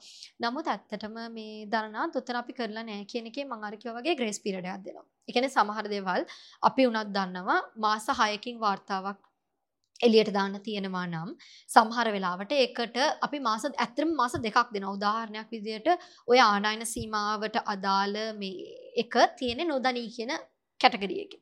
හේතුව තමයි අපි ග්‍රේස් පීරඩ එකක් දීලා තියෙනවා. දැන් සමහර හිතන්නකො ජූනි මාසයේ යම් යම් ආත්බදු ඉලක්ක තියෙනවා. නැත්තම් ප්‍රාථමික හිඟ ඉලක්ක තියෙනවා. ඒ වගේ ඒවා අපි නොදනි මේ මේ කරලා නැහැ කියලා කියන්නේ අපි ඒවට මාස දෙකක් දෙනවා. මාස දෙකක් ඇතුළත ජූනි මාසයේ බදු ආදායම කියන්න බැරි කමක් නැහැනේ. දැන් ශ්‍රී ලංකා මහ බැංකුවට පුළුවන් නම් මුළු රටේම වාර්ෂික වාර්තාව වෙලාවට එළියට දාන්න. රාජ්‍ය සංස්ථාවලට ඒගොල්ලන්ගේ පරණ වාර්තාවත් එළියට දාගන්න බැරි වෙන්න කමක් නෑනේ මේ ධනනාත් ඒ කියන්නේ 2017 18 වාර්තාවත් සමහර මේ රාජ්‍ය සංස්ථා රාජ්‍ය ආයතන එළියට දාලා නෑ. ඉතින් ඒවා හොඳ උදාහරණ නැත්නම් හොඳ අවස්ථා වෙන්න පුළුවන් දූෂණයට සහ වංචාවට. ප්‍රශ්නේ තියෙන්නේ අපි කමක් නෑ වෙලාව ගන්න වෙලාව ගන්න කියලා දුන්නොත් අපේ අපේ කියන්නේ ඒකේ කොස්ට් එක දරන්න වෙන්නේ අවසානයේ අපිට. පිරිවැය දරන්න වෙන්නේ අපිට. ඔතන ගොඩාක් දේවල් ඇත්තටම කරන්න බැරි දේවල් නෙමේ පළවෙනි කතාව. අනිතක මේවා අපි එකඟ වෙත කාලරාමු නෙමේ. රජය රජය කරන්න කියල එකඟ වෙච්ච කාලරාම ඉතින් රජය ඇතුළ එසෙස්මට එකක් ඇගීමක් වෙන්න ඇතිනේ අපිට මේවා මේ කාලෙදි කරන්න පුළන් මේවා මේ කාලිදි කරන්න පුළන් කියලා. දැන් අපි මේ රජය කවන්ටබල් කරන්න අපි කරන්න කියපු දේවල් වලට අපි කරන්න කියපු කාලසීමාවකටවත් නෙමේ මේ රජයම ගිහිල්ලා එකඟ වෙලා අයම එකට දීපු ඒගොල්ලුන්ගේම ඒගොල්ලන්ගේම ටයිම් ලෑන් එක ඒගොලොන්ගේ ටයිම් ලෑන් තමයි මේ කරනවද නැද්ද කියලා කියන්න. හරි. ඉට පස්තුරනි දැන් මට තව ප්‍රශ්න ඇතින දැන් සමහර ඒව තියෙනවා මේ ට්‍රැක එකේ දැන් අපි හිතමු රජ යෝජනා කරන හරි. අපි පේයි බද්ධ මෙච්චරකින් වැඩි කරන්න එකන සමහරයවතින අපි කියෙන අපි ගන්න මෙෂස් එතකොට මෙෂර එක හැටියට අපේ අවුට්කම් එක තීරණ ගෙන හට දොස්තර මහත්‍ය බෙහෙත්තිකක් කියනවා. අපි කියන ඔන්න දොස්තර මහත්‍යය කියපු විදිහටම බෙහෙත්තික බිව්ව කියලා. හැබැයි සමානට ඒ බෙහෙත්තික බිව්ව හමත් ලෙඩේ අඩු වෙලා නෑ එතකොට සමහරට ලෙඩේ අඩුවීමත් ට්‍රැකයකට ඇවිල්ල තියෙනවා. ලෙඩේට ගන්න බෙහෙත් ගත්තද කියන එකත් ට්‍රැකගේ තියෙන මහිතන බදු ආදායම මට හිතනවා එහෙම එකක් කිය අපි කලින් කියනවා පේයක වැඩි කරන්න කෝපරේට් ටක්ස එක මෙහෙම කරන්නම් එතකොට අර සූදුහා එක මෙහෙම කරන්නම් කියලා. හැබයි ඒකම තියෙන අපි බදු ආදායම බිලියන හයිසිය පනක් කරන්න දැන් වැඩි කරලත් හයිසිය පනක්න බැසුරීනිකිව සමහරයව කල්ලනෑ මේ ඔය මේ සූදු බදු අරෝමයම කල්ලනෑ තොට ඒ වාතාවරණ අපි කොහොමද බලන්න ඕනේ? කියන්නේ එක් අපි කියපු එක ප්‍රායෝගික නැද්ද විශ්ලේෂණය නැති නිසා? එහෙම නැත්නම් අර බේත බීපු බෙහෙත ආන්ස කළ නැද කොහොමද මේක අපි ලියාගන්න? ඔය ප්‍රායෝගික නැති ප්‍රශ්නය ඇස්තමේන්තු දුරල ඇස්තමේන්තු කියන ප්‍රශ්නය මේ අයම වැඩසටහන පැත්තක තියන කොර මං කලින්ක වගේ මේ වැඩසටහන නෙවෙයි අපේ මූලි කරමණ වෙත මේ ප්‍රශ්නයට දීර්ඝකාලීන විසඳුම්. මේ විසඳුම් පටන්ගන්න එක තනක් විතරයි. දනනාත් අපි අවුරුදු විස්සක් දිහා බැලුවා අවුරුදු විස්සක් පුරාවට රජය කවදාවත් අයවැයගත ආදායම එකතු කරගෙන නැහැ. අවුරුදු විස්සක් පුරාවට එකම වාරයක්වත්. ඒගැන හැමදාමත් අපේ ඇක්චුවල් රෙවනිව් එක එස්ටිමේට රෙවනිව එකට වඩා අඩුයි. දැන් දෙදස් විසිතුන සඳහා වනත් දනනත් රජය මේ අප කෙන බජටස්ටිමත් ප්‍රෝඩට අනුව රුපියල් බිලියන තුන්දා එකසේ තිහක් තමයි රාජ්‍ය ආදායම බලාපොරොත්තුනේ. IMF වැඩසටහනට අනුව ඉලක්කේ රුපියල් බිලියන දෙදස් නමසය හතලිහයි ඊටත් වඩා අඩුයි. අපි මේ බදු වෙනස් කිරීම් සලකන්න කලින් එස්ටිමේට් එකක් කරා වරිටේකෙන් අපි ඒකට අනුව අපි බලාපොරොත්තු වෙන ආදායම රජයේ බදු ආදායමට වඩා සියයට දහයක් අඩු එකන රුපියල් බිලියන දෙදස් හත්සේ හැට දෙක ප්‍රමාණයක් තම අපි රජය උපයයි කියලා බලාපොරොත්තුෙන අපේ එස්ටිමෙට් එක හරි ගියොත් රජය රජය වෙනුවෙන් කරපු එස්ටිමෙට් එකත් වැරදි IMF ප්‍රෝග්‍රම එක සඳහා රජය කරපු එස්ටිමෙට් එකත් වරදිනවා ඔන්න ඔහු තමයි ප්‍රශ්නය කියන්නේ දුර්වල ඇස්තමේන්තු කරණයක් තියෙනවා. ඔතන ප්‍රශ්න දෙකක් තියෙනවා. එකක් දුර්වල ඇස්තමේන්තු කරණය, දෙවෙනි එක තමයි එකතු කරගන්නේ නැති එක. අර මං කිව්වා වගේ සූදු බද්ද එකතු කරගන්නේ නැහැ. ඊට පස්සේ ටොබැකෝ ටැක්ස් එකක් තියෙනවා. අපි නිතර නිතර කියනවා මෙතන වෙස්ටඩ් ඉන්ට්‍රෙස්ට් එකක් තියෙනවා.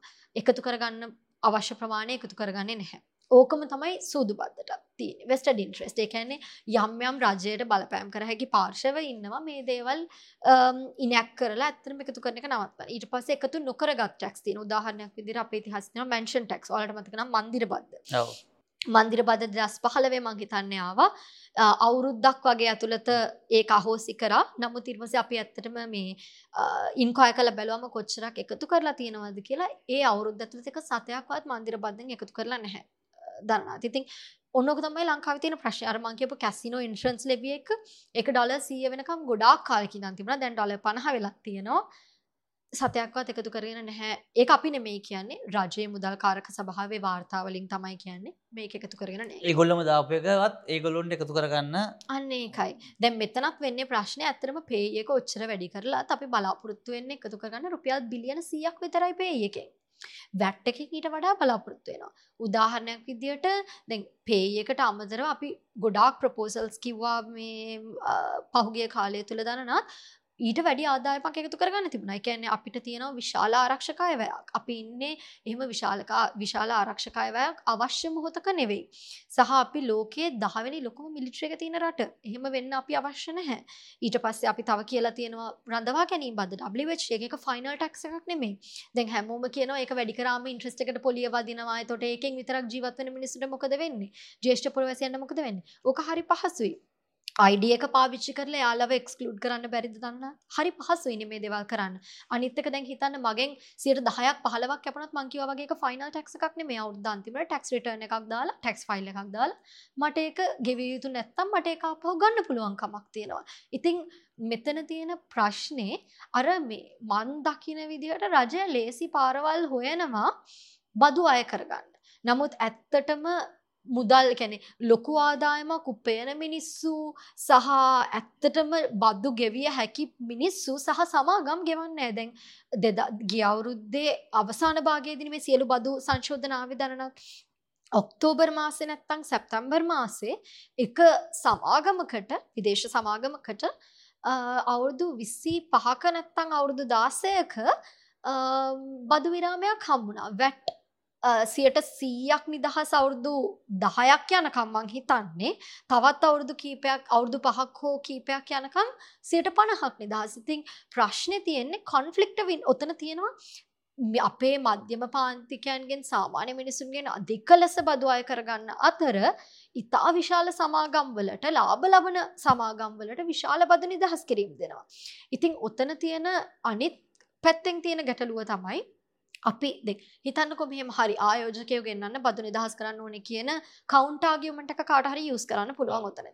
එතකොට අපි ඇහවා අපි ඇත්තර මාටිය එකක් ෆයිල් කර හරි මේ බද්ධ නිදහස් කිරීමෙන් ඔයා රජ අපිට වෙන පාඩු ස්ටිමේට් කරගන්න ඕන හෙන එතර ඒ ආවරණය කරගන්න යම් සෙකන් ප්ලෑන්් එකක් තියෙනවා. කවර කාටරි බදු නිදහසක් දෙනවා කියලා කියන්න තව කවරේ බද්ධ ගවන්න ගවන්න ඕන. මොකද අපිට නිකං කවරුත් සල්ලි දෙන නෑන ඉතින් අප ආටිය එකක් ෆයිල් කරා. කොච්චරක් නැති වෙනවද මෙහෙම දුන්නම කියන එක එස්ටිමේට් කළ තියෙනවාද කියලා. අපිට ආටයකට ලැබෙච පිළිතුර හරි කනගාටු දායකයි ඇත්තරම දරනත් එහෙම ස්ටිමේට් එකක් නෑ ඒ කියන්නේ බද්ධ නිදහස් කිරීමකින් රජය ලබන පාඩුව එස්ටිමේට් එකක් නැහැ රජය සතුව. ඉතිං මේවා තමයි ප්‍රශ්න. අපි අපේ ඔරිජිනල් එකතු කරගන්න පුළුවන් බදවාදායම හරියට එස්ටිමේට් කරන්නෙත් නෑ නැත ඇස්තමේන්තු කරත්නෙත් නෑ. එහෙම ඇස්තමේන්තු කරලා පනවනේවා පේයි එක ගාන්ට ගන්නවා අර මිනිසුන්ගෙන් ගන්න ටික ගාන්ට ගන්නවා. හැබැයි කැසිනෝ ටක්ස හරියට ගන්න නැහැ. ඊට පස දුම් කළ පද්ද හරියට ගන්න නැහැ. ඒ වගේ අර වෙස්ට ඉන්ට්‍රස් පාටිස් වලට බෙනිෆිටස් දෙනවා. තුන්ගනි ප්‍රශ්න තමයි ඔන්න ඕක. සුරනි බදු සම්බන්ධයෙන් දැන් අර මම කියවල තියෙන විදිට බදු ආදායම දැ මදි කියලා ඇ ආදම්මදි කියලගෙන රජය කියපු ගාන එකතු කරගන්න බැරි වාතාවරණයක් ඇවිල්ල තියෙනවා. හැබැයි අර බදු අය කරද්දී අපි කියන මුළු ධර්මයක් තියන අය කරන මගේ දැනම හැටියට බදු ක්‍රමය සරල වෙන්න ඕන. ඒක විනිවිධ භාවයක් තියෙන්න්න ඕන. ඒක ස්ථාවර වෙන්න ඕන. එක නිියුට්‍රල් වෙන්න ඕනේ. ගැන තෝර තෝර මේ කළු කට්ටියට වැඩිපුර බද්දක් ගවන්න සුදු කට්ටියට වැඩිපුර බද්දක් ගවන්න. එහෙම කියල බදු ගහන්නතු මේක සාධාරණ වෙන්න ඕන. කියන පදනම තියෙනවා. අතින් අපි දැක්ක දෙදස් අර පහලවෙදි මන්දිර බද දම වගේම ඒ කාලෙදික වදත් දැම්ම. කිසියම් ආයතනයක බිලියන දෙකට වඩා මහිතන ආදායම වැඩිනම් සුපගෙන් ටැක්ස එකක් විදිර එහම ටක්ක විට පස දස් විසියකේ තායි පාර බිලියන දෙකට වඩා වැටන අරකකුව එක්වරක් පමණ මේක ගහන්න. එක පාරය ගන්න අයින ගන්න එම කියලා ආයි පාර දෙදස් විසිකේදී ආයි පාරත් තවත් එක පාරයි ආය ගහන්න කියලා ආයි පාරක් සමාගම අයිතන හැට හතකට මෙතොට ඒ වගේ අර රජයට සල්ලි නැතිවුණට පස්සේ කොහෙන් හරි තියෙන මනුස්සයගෙන් හිතු හිතු විදියට තෝර තෝර සුපගේන්ටක් එකකව ගහන එක පැත්තේ අනි පැත්තෙන් අරවගේම තෝර තෝර කට්ටියට සමහල්ලට බදු සහන දෙනවා. ඉතින් අපි ඇත්තරම හිතුවේ මේ දෙකම තෝර තෝර තෝර ගහන එකත් වැරදි තෝර තෝර සහන දෙන එකත් වැරදි කියලා. මේ දෙපැත්තම මොකද එක්කෙනෙක්ට සහන දෙනවා කියලා කියන අනිත් කෙනාට තෝරලා ගහන්න වෙනවා වගේ වාතාවරණයක්. සුරෙන් නිල කොහොමද මේක දකින්න නිසා අර ඇනලිසිස් එක මොකද ඒක ඉතා වැදගත් මොකද අපි සහනයක් දෙනවනම් අඩු ගානේ දැනගන්න ඕනේ ඒ සහනෙන් කොච්චර අපිට අහිමි වෙනවද කියලා ගහනවා නම් අපි දැනගන්න කොච්චර ආදායමක් අපි මේකෙන් බලාපොරොත්තු වෙනවද කියලා. කොහොමද සුරේනි මේක විශේෂ මන්තර්ජාතික මූල්‍ය අරමුදලත් එක වැඩ කල්ලා ලෝක වෙන රටවල බදු ගහන විදිිය දැකලා කොහොමද මේ ගැන සුරීනි දකින්න? මම ඕකේ ලෝකෙ වෙන රටවල් ගැන කම්පයා කරන්න නැතු ඉන්නම්. ලෝක වෙන රටවල් කම්පයා කරොත් ඇත්තරමකොත් ලෝක අනි ඔක්කොම රටවල් අතාරනකො කලාපිය බදු ගත්තොත් කලාපය අනිත් රටවල් ගත්තොත් අපේ රාජ්‍ය ආදායම අනිත් කලාපේ රටවල්වලට වඩා අඩුයි. එකන අපි තමයි අඩුම රටවල් දෙක තුන ඇතුළත ඉන්නේ. බදු ආදායම සහ රාජ්‍ය වියදම ගත්තත් අපි ඉන්නේ අඩුම මේ රාජ්‍ය වියදමක් සහිත රට බැරිට වියදන් කරන්නෙත් නෑ ආදායමක් උපයන්නෙත් නෑ.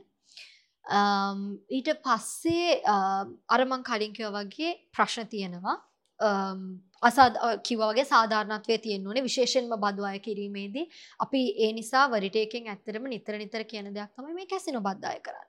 මේවා ඇත්තටම කරන්න අමාරු දේවල් නෙවෙයි දරනාත් ඒ කියන්නේ බිල් එකක් තියෙනවා බිල් එක පාලිමට තරගල පාස් කරගන්න විතරයි තියෙන දැනුත් බිල්ල එකක් තියෙනවා. ප්‍රශ්න තියන දැම් බිල්ල එක තියන්නේ අඩු කරගන්න. දැන් වැඩි කරගන්න ගිය ඔක්තෝබරුත් අයම පැටිසරහට ආව ගමන් ඕක ඩල දෙසියක් කරාරමං කියපු ඇතුල්වීමේ ගාස්තු. හැබැයි කවදාවත් එක පනතක් උන්නේ අර රජයට බලපෑම් කළ හැකි කොටස් හිඳීමම සහ රජයේ බලපෑම්වලට නතු වීමම ප්‍රශ්නයක් දනනත්. ආපහු අපි දැකපු එකක් තමයි මතක නම් මගේ මතකය හරනම් දෙදස් විස්සේ ඔක්තෝබර් වල. වෙළඳ මේමනාද එස්ලන් සුගට් ඉම්පොට් මේ ටක්සේෂන එකක් තින කියන්නේ ආනයන සීනි සඳහා විශේෂ වෙළඳ බද්දක්. මේ බද්ධ තිබුණේ මගේ මතක හැටියට කිලෝ එකට රුපියල් පණහයි බද්ධ. ඒක දෙදස් විසේ ඔක්තෝබර් මාසදි මගේ මතකය හරි නම් දිනය ඒක ගෙනාව කිලෝ එකට සත විසි පහක් කලා ඒකින් විශාල සාකච්ඡාගොත්තාව සීනි බදු වංචාවක් වුණා කියලා ඇත්තටම දැන් මිනිස්සුන්ට ඔළුවට මුලින් දුන්නේ දරනාත් හරි මේ බද්ධ අඩුවෙනකොට මිනිස්සුන්ට තමයි ප්‍රතිලාභයන්. ඇත්තටම තරනත් මේ වෙනකොට මිනිස් දැන් ඇනලිසිස් එකෙන් අපිට පෙනිලා තියෙන දේ තමයි මෙතන මිනිස්සුන්ටවත් සමාජයටවත් කිසිමම බෙනිෆිට් එකක් පාසුනේ නැහැ ටැක්ස් එක අඩු කරයින් කියලා. මේ බෙනිෆිට් එක නැත්තම් මේ වාසිය ගියේ ඇත්තටම අදාළ ආයතනවලට. මේ ඒ කියන්නේ ඒවා ආනයනය කරපු ඒ අදාළ සමාගම්වලට. රජයටවත් මේ ආදායම. රජයත් ලොස් අපිත් ලොස් කොහෙවත් ඉන්න කවුරු හරි තර්ක කරොත් මම මේ දැනගැනීම පිණිස අහන්නේ එතකොට ඒ අදාළ ආයතනයේ ආදායම වැඩි වෙන්න එපේ. ඔව්. ඒතකොට ඒ ආදායමට කෝපරේට් ටැක්ස් එකක් පදිනවනේ ඒකවත් හම්බුණාද අපිට? ඒක හම්බෙන්නේ නැති කෝපරේට් ටැක්ස් එක හම්බෙනවනේ. හැබැයි ඇත්තටම සීනි බදු නිසා රජයට අහිමි වෙච්ච අපි කියන accumulated loss කියලා. ඒ loss එක පෙබරවාරි වෙනකොට මේ අවුරුද්දේ රුපියල් බිලියන 65ක්. ආසන්න වශයෙන් අපි මම පහුගිය අවුරුදු පහ දිහා බැලුවොත් ආසන්න වශයෙන් අවුරුද්දකට අපි සමෘද්ධියට වැය කළා තිනවා පහුගිය අවුරුදු පහේ සාමාන්‍ය ගත්තොත් රුපියල් බිලියන 41ක් අවුරුද්දකට. සමුෘදිය වගේ මුදලක් අපිට සමුෘදිය වගේ මුදලක් නැ වාර්ෂික සමුෘදිය වගේ මුදලක් නැති වෙලා තියෙනවා. අපිට. එක අවුරුද්ධකට ඉතින් මේ ඇතරම සමුෘදිය දැන් ටිකක් වැඩි වුණා. දෙදස් විසි දෙකේ එක එකසි සියට එකසිේ දහටකින් වැඩි වුණානේ සමුෘදිය එකන සමුෘදිය සඳහා සමස්ත අයවැයවෙන් කිරීම. අන්න ඒ දෙදස් විසි දෙකේ මේ වෙන් කරපු ගානට සමාන ප්‍රමාණයක් අපට නැති වෙලා තියෙනවා. මේ සීනි බදු වංචාව කියන එක. ප්‍රශ්න තියෙන්නේ ඕක බැනිෆිට් එක රජයටත් නෙමෙයි අපිටත් නෙමෙයි. සුරන් අපි සාකච්ඡා අවසාන කොටස ලැබෙන සුරේනිට මේ සෑහෙන වෙලාවක් අපිට දුන්න මේ ටික පැහැදිලි කරන්න අ, මං අවසාන කොටසෙදි දැනගන්න කැමති සුරේනි මන් දැක සුරේනිලා නිතරම කියන දෙයක් තම මේ ගවනන්ස් එන්න ඕන කියලා ඒගැන්නේ ආර්ථිකය මේ සි- මේ හැමකේ විනිවිධ භාවෙන මට පේනවා. දැන් බෙරිට එක කරන වැඩටික බැලු හමත් ගොඩක් කලාවට විශාල ට්‍රකස් ප්‍රමාණයක් මේන්ටේන් කරන මන්ත්‍රී ඩොටල්ගේ කර. ෆුවල් ෆෝමියල අපේ ලිංක්ස් ටික දාලා තියෙනවා අපේ YouTube එක. අපේ ෆෙස්බුක් එක කොමෙන්ස්වල දාලා තියෙනවා. IMF ට්‍රැක එක. රෝන කෙනෙට ගිල් අතරම මේ කලික් කල්ල බලන්න පුළුවන් මොකක්ද මේ තියෙන කියලා. එක භාෂා තුනෙන්ම තියෙනවා. මං භාෂා තුනෙන්ම තියෙන එතකොට ඕන සිංහල දෙමල ඉංග්‍රීසි ඕන භාෂාවකින් බලන්න පුළුවන්. එක පැදිලි දාලා තියෙන ඕන කෙනට බලන්න පුල එක සෝස් ඩොකියමට එකක් දාලා තියෙනවා. කොහෙද මේ තොරතුර ගත්ත කියලා.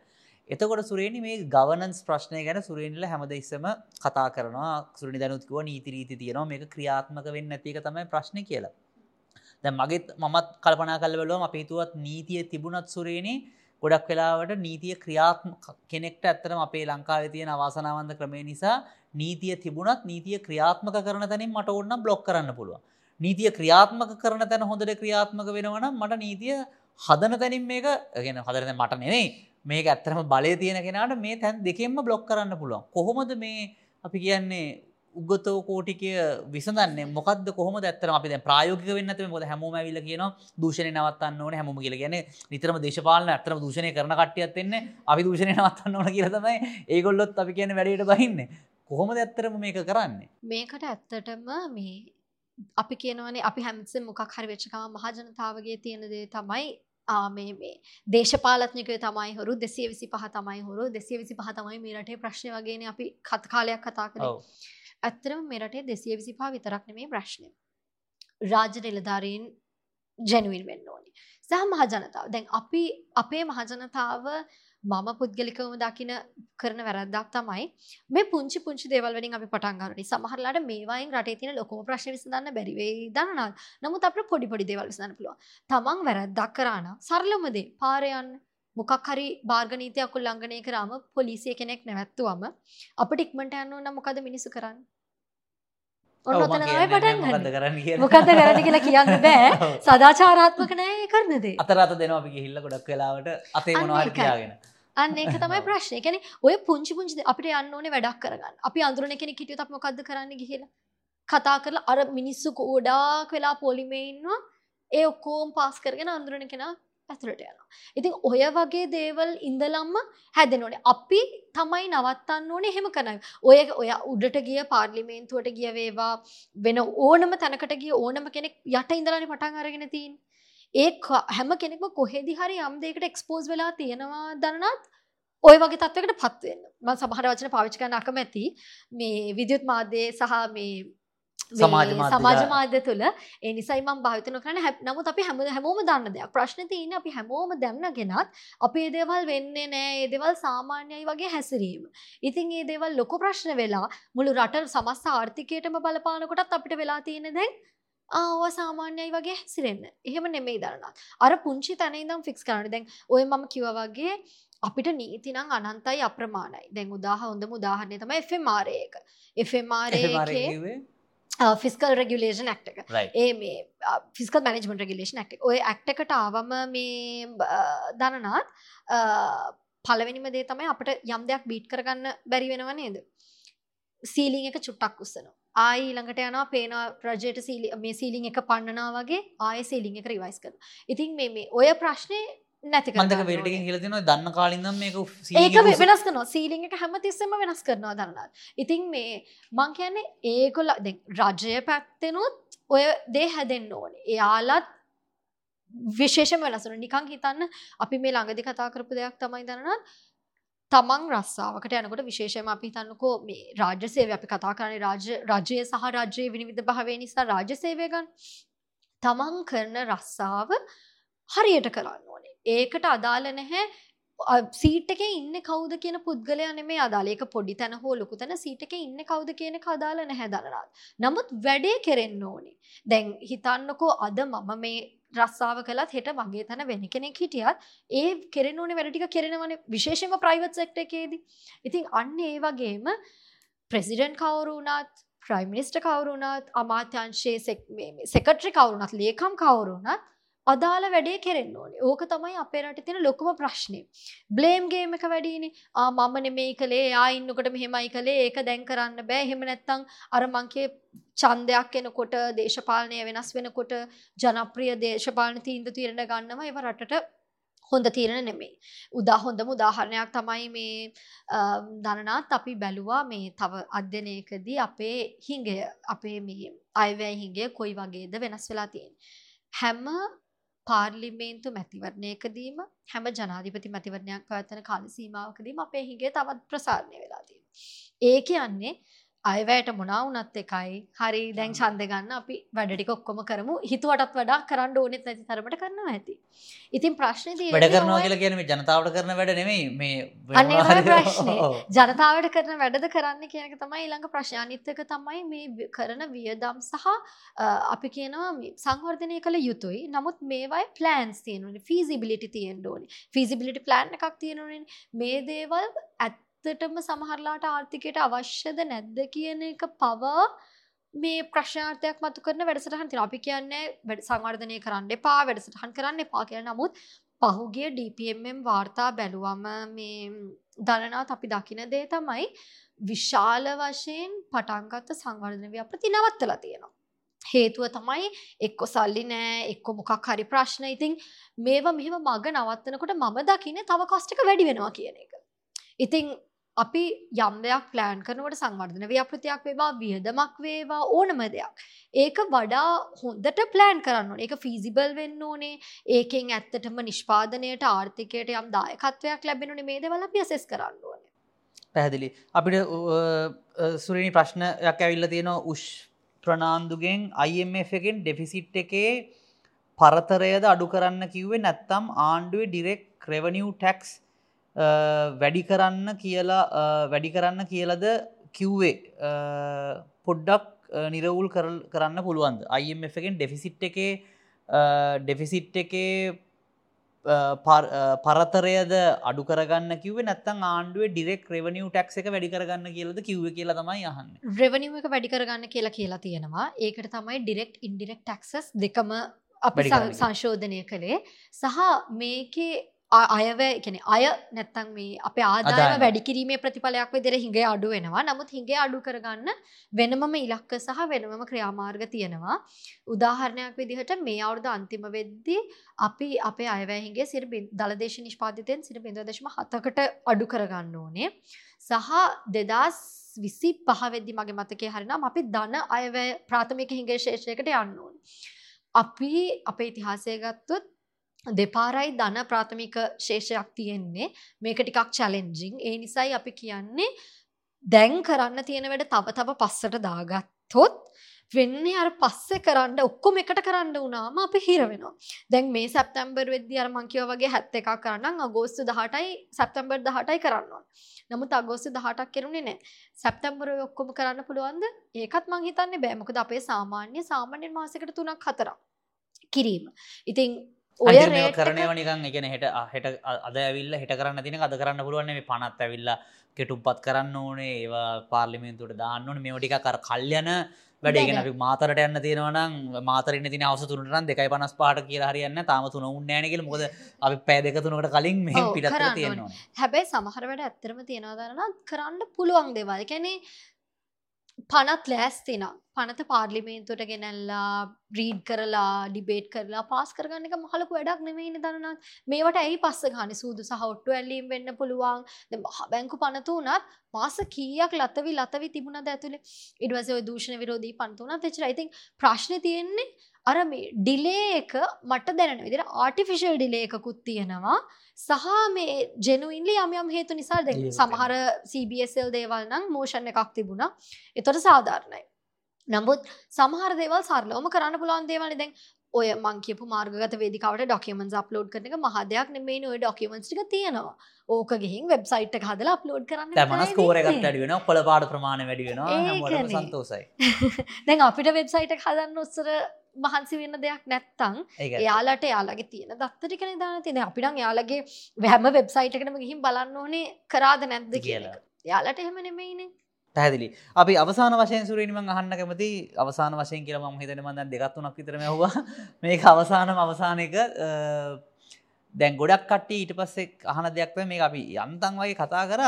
IMF එකට දැන් එක ප්‍රතිරෝධයක් තියෙන සුරේන IMF එක මේ කරන වැඩටික ට්‍රැක් කරනවා ඒත් මතයක් තියෙනවා IMF එකට ගිල්ල ගොඩ ගියපු රටක් නැහැ කියලා. එතවට සුරෙන් IMF එකෙත්තුත් වැඩ කරහන එතකොට අනිත් පැත්තෙන් අර තියෙනවා පොඩි මේ මේක ඇවිල්ලා බිල්ලෙක් නැත්තං මේක අවිල්ලා ගැලපෙන්නෑ මේක උමුළු ගැවිල විදේශය මොනහරි අපි කියන එජෙන්ඩ එකත් තියෙනවා.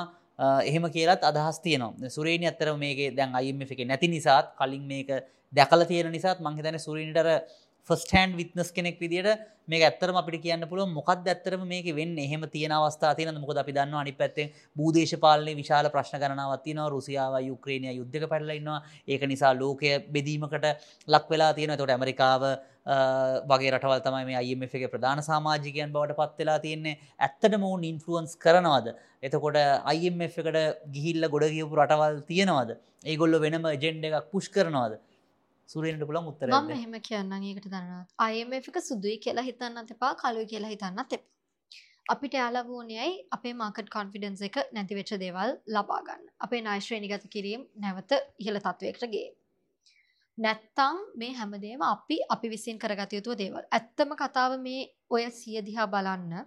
ඔය සීය අපිට කිය කරන්න ඕනෙ කියලා කියන්න අයිF එක එන්ඩ මෝනෙද දන්නත් ඔය ටික අපි දන්නවනේ ගැන අපේ ප්‍රශ්න තිබුණ කියන ඇන්ටිකරප්ෂන් වගේ දෙයක් කතා කරන අයිම ගෙන් අවශ්‍යත වෙන පැහමුදන්න දූෂණය හොඳනෑ කියල. දේශපාලක්ඥොත් කියන දූෂණ හොඳන කියල අයි අය අපේ ආදායම වැඩි කරගන්න ඕනි කෙනෙ ඇලවිල කියන්න ඕන්නේ අපේ ශ්‍රී ලංක යාලයින්ස් නිරන්තරයෙන් නිරන්තරයෙන් පාඩු ලබනවා. මේ ප්‍රතිවිහ ගත කරන්න ඕනි කියලා කියන්නේ යාලයින්න ඕනි නෑ.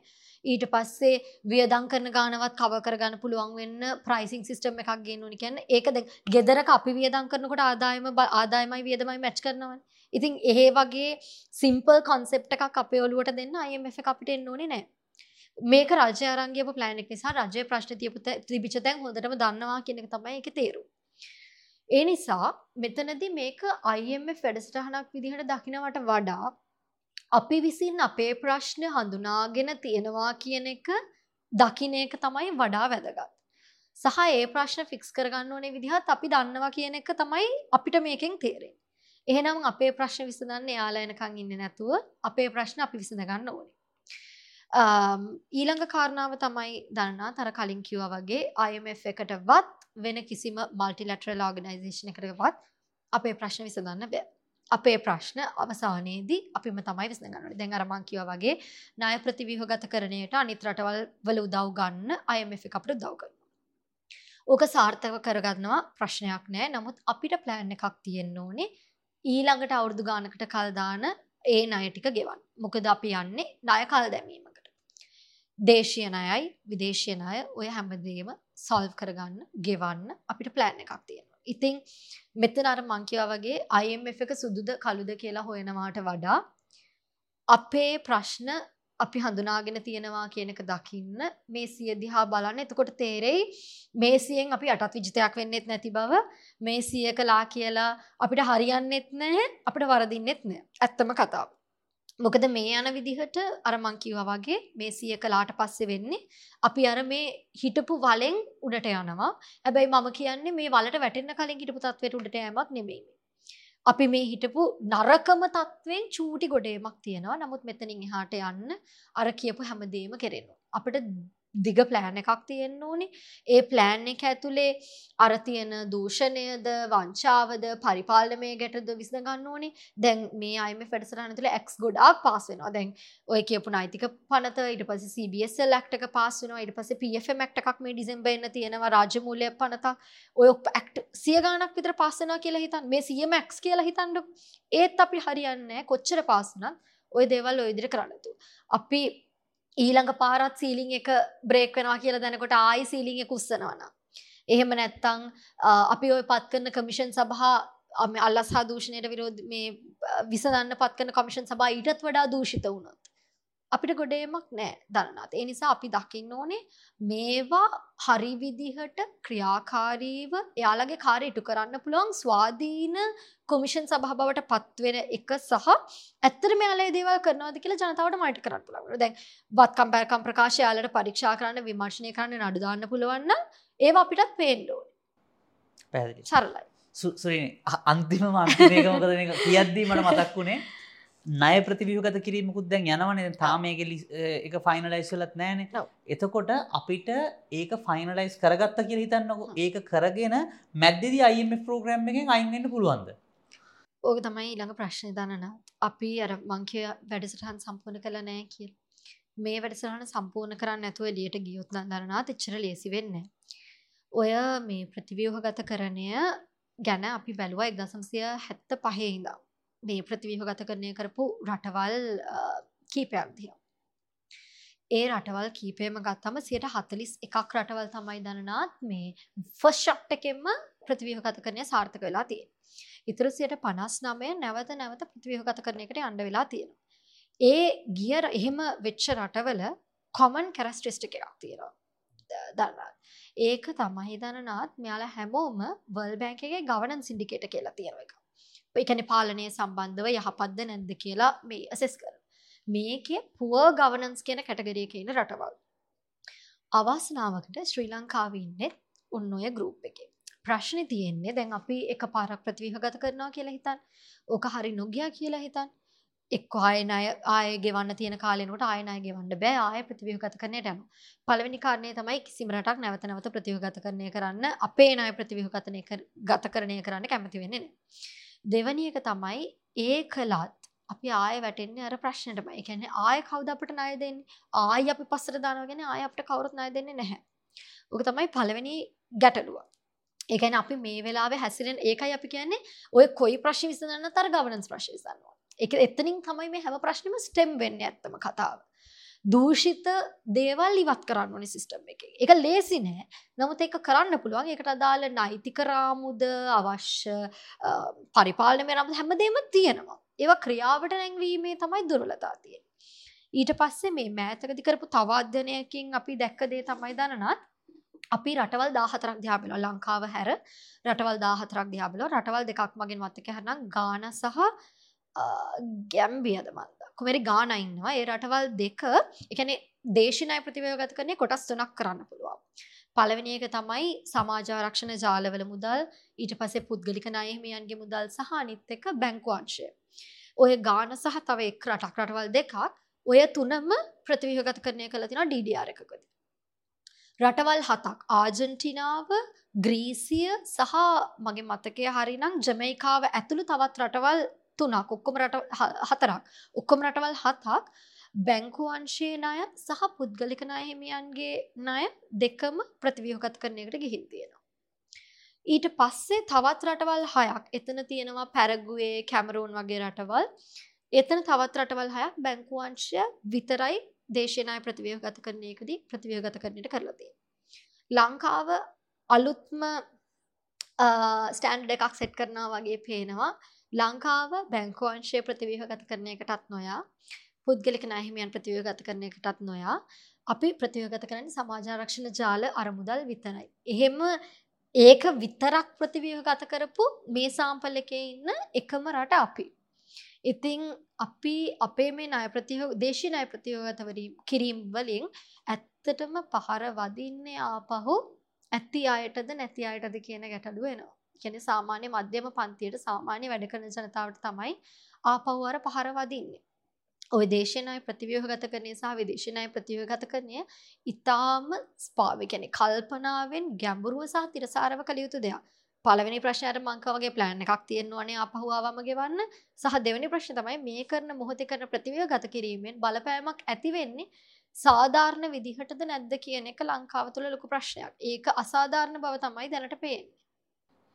හොඳ ඉසුරනි. අයිනං අහන්න ප්‍රශ්න අද වැඩසටහනට වෙන දවසක හයි සම්බන්ධ කරගෙන හොත්තරන්න බොම ස්තුතිසුරේණී වෙලාවාගෙන ගොඩක් විස්තර කරාට මංහිතන්නේ හැමෝට ප්‍රශ්න ගොඩක් කමෙන්සුත් ඇවිල්ල තියෙනවා. ස්තුතිවන්ත වෙලා මේක මේ ගොඩක් අපහැදිලි දැන් විසඳුවට මහිතන හැමෝටම මේ වැඩසරහන බැලුවන සාරංශයක් විදියට සුරේණ කියන විදිට IMF වාරිකය දෙවනි වාරකය හමුවෙන් ඉඩ තියෙන නමුත් ඒක සමහර වෙලාවට ග්‍රේස් පිරිියඩ් එකක් දෙන්න පුළුවන්. අපි නොකරපු දේවල් කරගන්න. හෙමනැත්ත යම් කිසි ලැබෙනවා කියපු ගාන ඒ කරපු ප්‍රමාණයට සාපේක්ෂව දෙන්න පුළුවන්. නමුත් ඇය මූලික වශයෙන්ම අවධානය යොමු කරන්නේ මේ යන ස්පීඩ් එකෙන් ගිහිල්ල නම් අපිට මේක කව කරගන්න බැරි වෙන හමුණත් අපි නැවතලොකු අමාරුක වරන හ අමාරුක වැටනොත් අර අපි තිබ්බ පෝලිං යුගයට නැවතයෑමේ අවධානමක් තියෙනවා කියන එකයි සුරේණි කියන්නේ. ඒවගේම මං අවසාන වශයෙන් එහු ඇත්තරම මේ නය ප්‍රතිවියූගත කරගෙන ඒකන ඒ ප්ලෑන් එක පරු කරගෙන අයම එකෙන් එලියට පනින්න අපිට පුළුවන්ද කියලා. ඒකටත් මං හිතන්න උත්තරයක් දුන්න. එක කරන්න ටික අමාරු හෙම කරොත් ඒක ප්‍රති විපාකඇත් නැවතත් ලැබෙන්නේ අපිටමයි ඒවගේ මයිම ට්‍රැක එක තියෙන විස්තර ටික පැහැදිලි කර. කොච් මොනවද කරලා තියෙන මොනවද කරලා නැත්තේ. ඇයි මේ ආර්ථිකය ගවනන්ස් කියන එක අවශ්‍ය කියන එක තමයි සුරුවෙන වැඩිපුරකිව මොකද මේ ඔක්කොම ප්‍රශ්නයන්නේ ඒ ආර්ථික ගවනන්ස එක නැති එක. නැත්තං ආර්ථිකයට සමබරතාවය අපි කියනවා දූෂණය වංචාව නැති ප්‍රශ්නයක් එක තමයි එතුරු සියලුම ප්‍රශ්න පැනගින් ඒවගේ හැමෝම නිතරමාන ප්‍රශ්නයක් IMF එකම විසඳුමද මේ ටික කරොත් අයි අපිට ලංකාව සුක්කිත මුදිත කේතුමති රජධාන වගේ තැනක් කරන්න පුළුවන් වේද? ඒකට සුරෙන් උත්තර දුන්න. IMF එක සම්පූර්ණය සුදු කියල බලන්නත් එපා. සම්පූර්ණයෙන් කලු කියල බලන්නත් එපා. IMF එක මේවා කරා කියන එකේ තේරුම අපි සම් සම්පූර්ණයෙන් ගුඩට එනවා කියන ගත්නවේ හැබැ මේක නොකර හිටියොත්තේම අපි තියෙන ප්‍රමාණටත්තර පල්ලෙහට යන්න. හිත නෝකතමයි අපේ කතාවේ සාරංශය මසුරනට නැවතත් සූතිවන්ත වෙනවා. සාකච්ඡාවට සම්බන්ධනට ගොලොත්ත් බොම ස්තුතියට ප්‍රශ්නයවට අනිවාරෙන් අප ෆලෝ කරන ලයි කරන ශය කරන අප අඩු කතා කියල වෙනම YouTube පලටෆෝර්ම් එකන්න මේක ස්නිපත් අප අඩුකට ප්ලස් එක සිංහලෙන් බලාගන්න පුළුවන්. ඊටමතර අපි ටික්ටොක් එක ඉන්නවා. අපි ලිංක්ඩින්න එක ඉන්න අපි හැම සමාජ මාධ්‍යජාලා පලටෆෝර්ම් එකම වගේ ඉන්නවා. අපි ඔය කිය ඔක්කොම ලින්ක්ස්ටි අපේ කොමෙන්සල දාරතින ඔගොට කියල කලික් කරන්න පුළුවන්. අපි ඩිස්ක්‍රපෂන් එකත් අපේ දාන්න එතකොට අනිවාරයම කලික් කරන්න පුළුවන් හැමෝටම සුභරාත්‍රයක් මේ වගේ ඔබ නොදන්න ආර්ථිකරනු ගැන දැනගන්න අපේ ශෝෂල් මීඩිය පලටෆෝර්ම් වලට අනිවාර්ම එකතුවන් අපේ චැනල එක සබ්‍රයි් කරලා බෙල් අයිකන්න ක්ලික් ලංකාව ආර්ථික ප්‍රසංස් කරනවලට ඔයාලගේ දායකත්වය ලබා දෙන්න ආර්ථිකය හා වෙල්ද බලය ගැන වෙනස්කම් ගැන දැනුවත්වන්න අපිට සපෝට් කරන්න. අපි සබ්ටිපෂන් ප්ලෑන් එක ලබාගන්න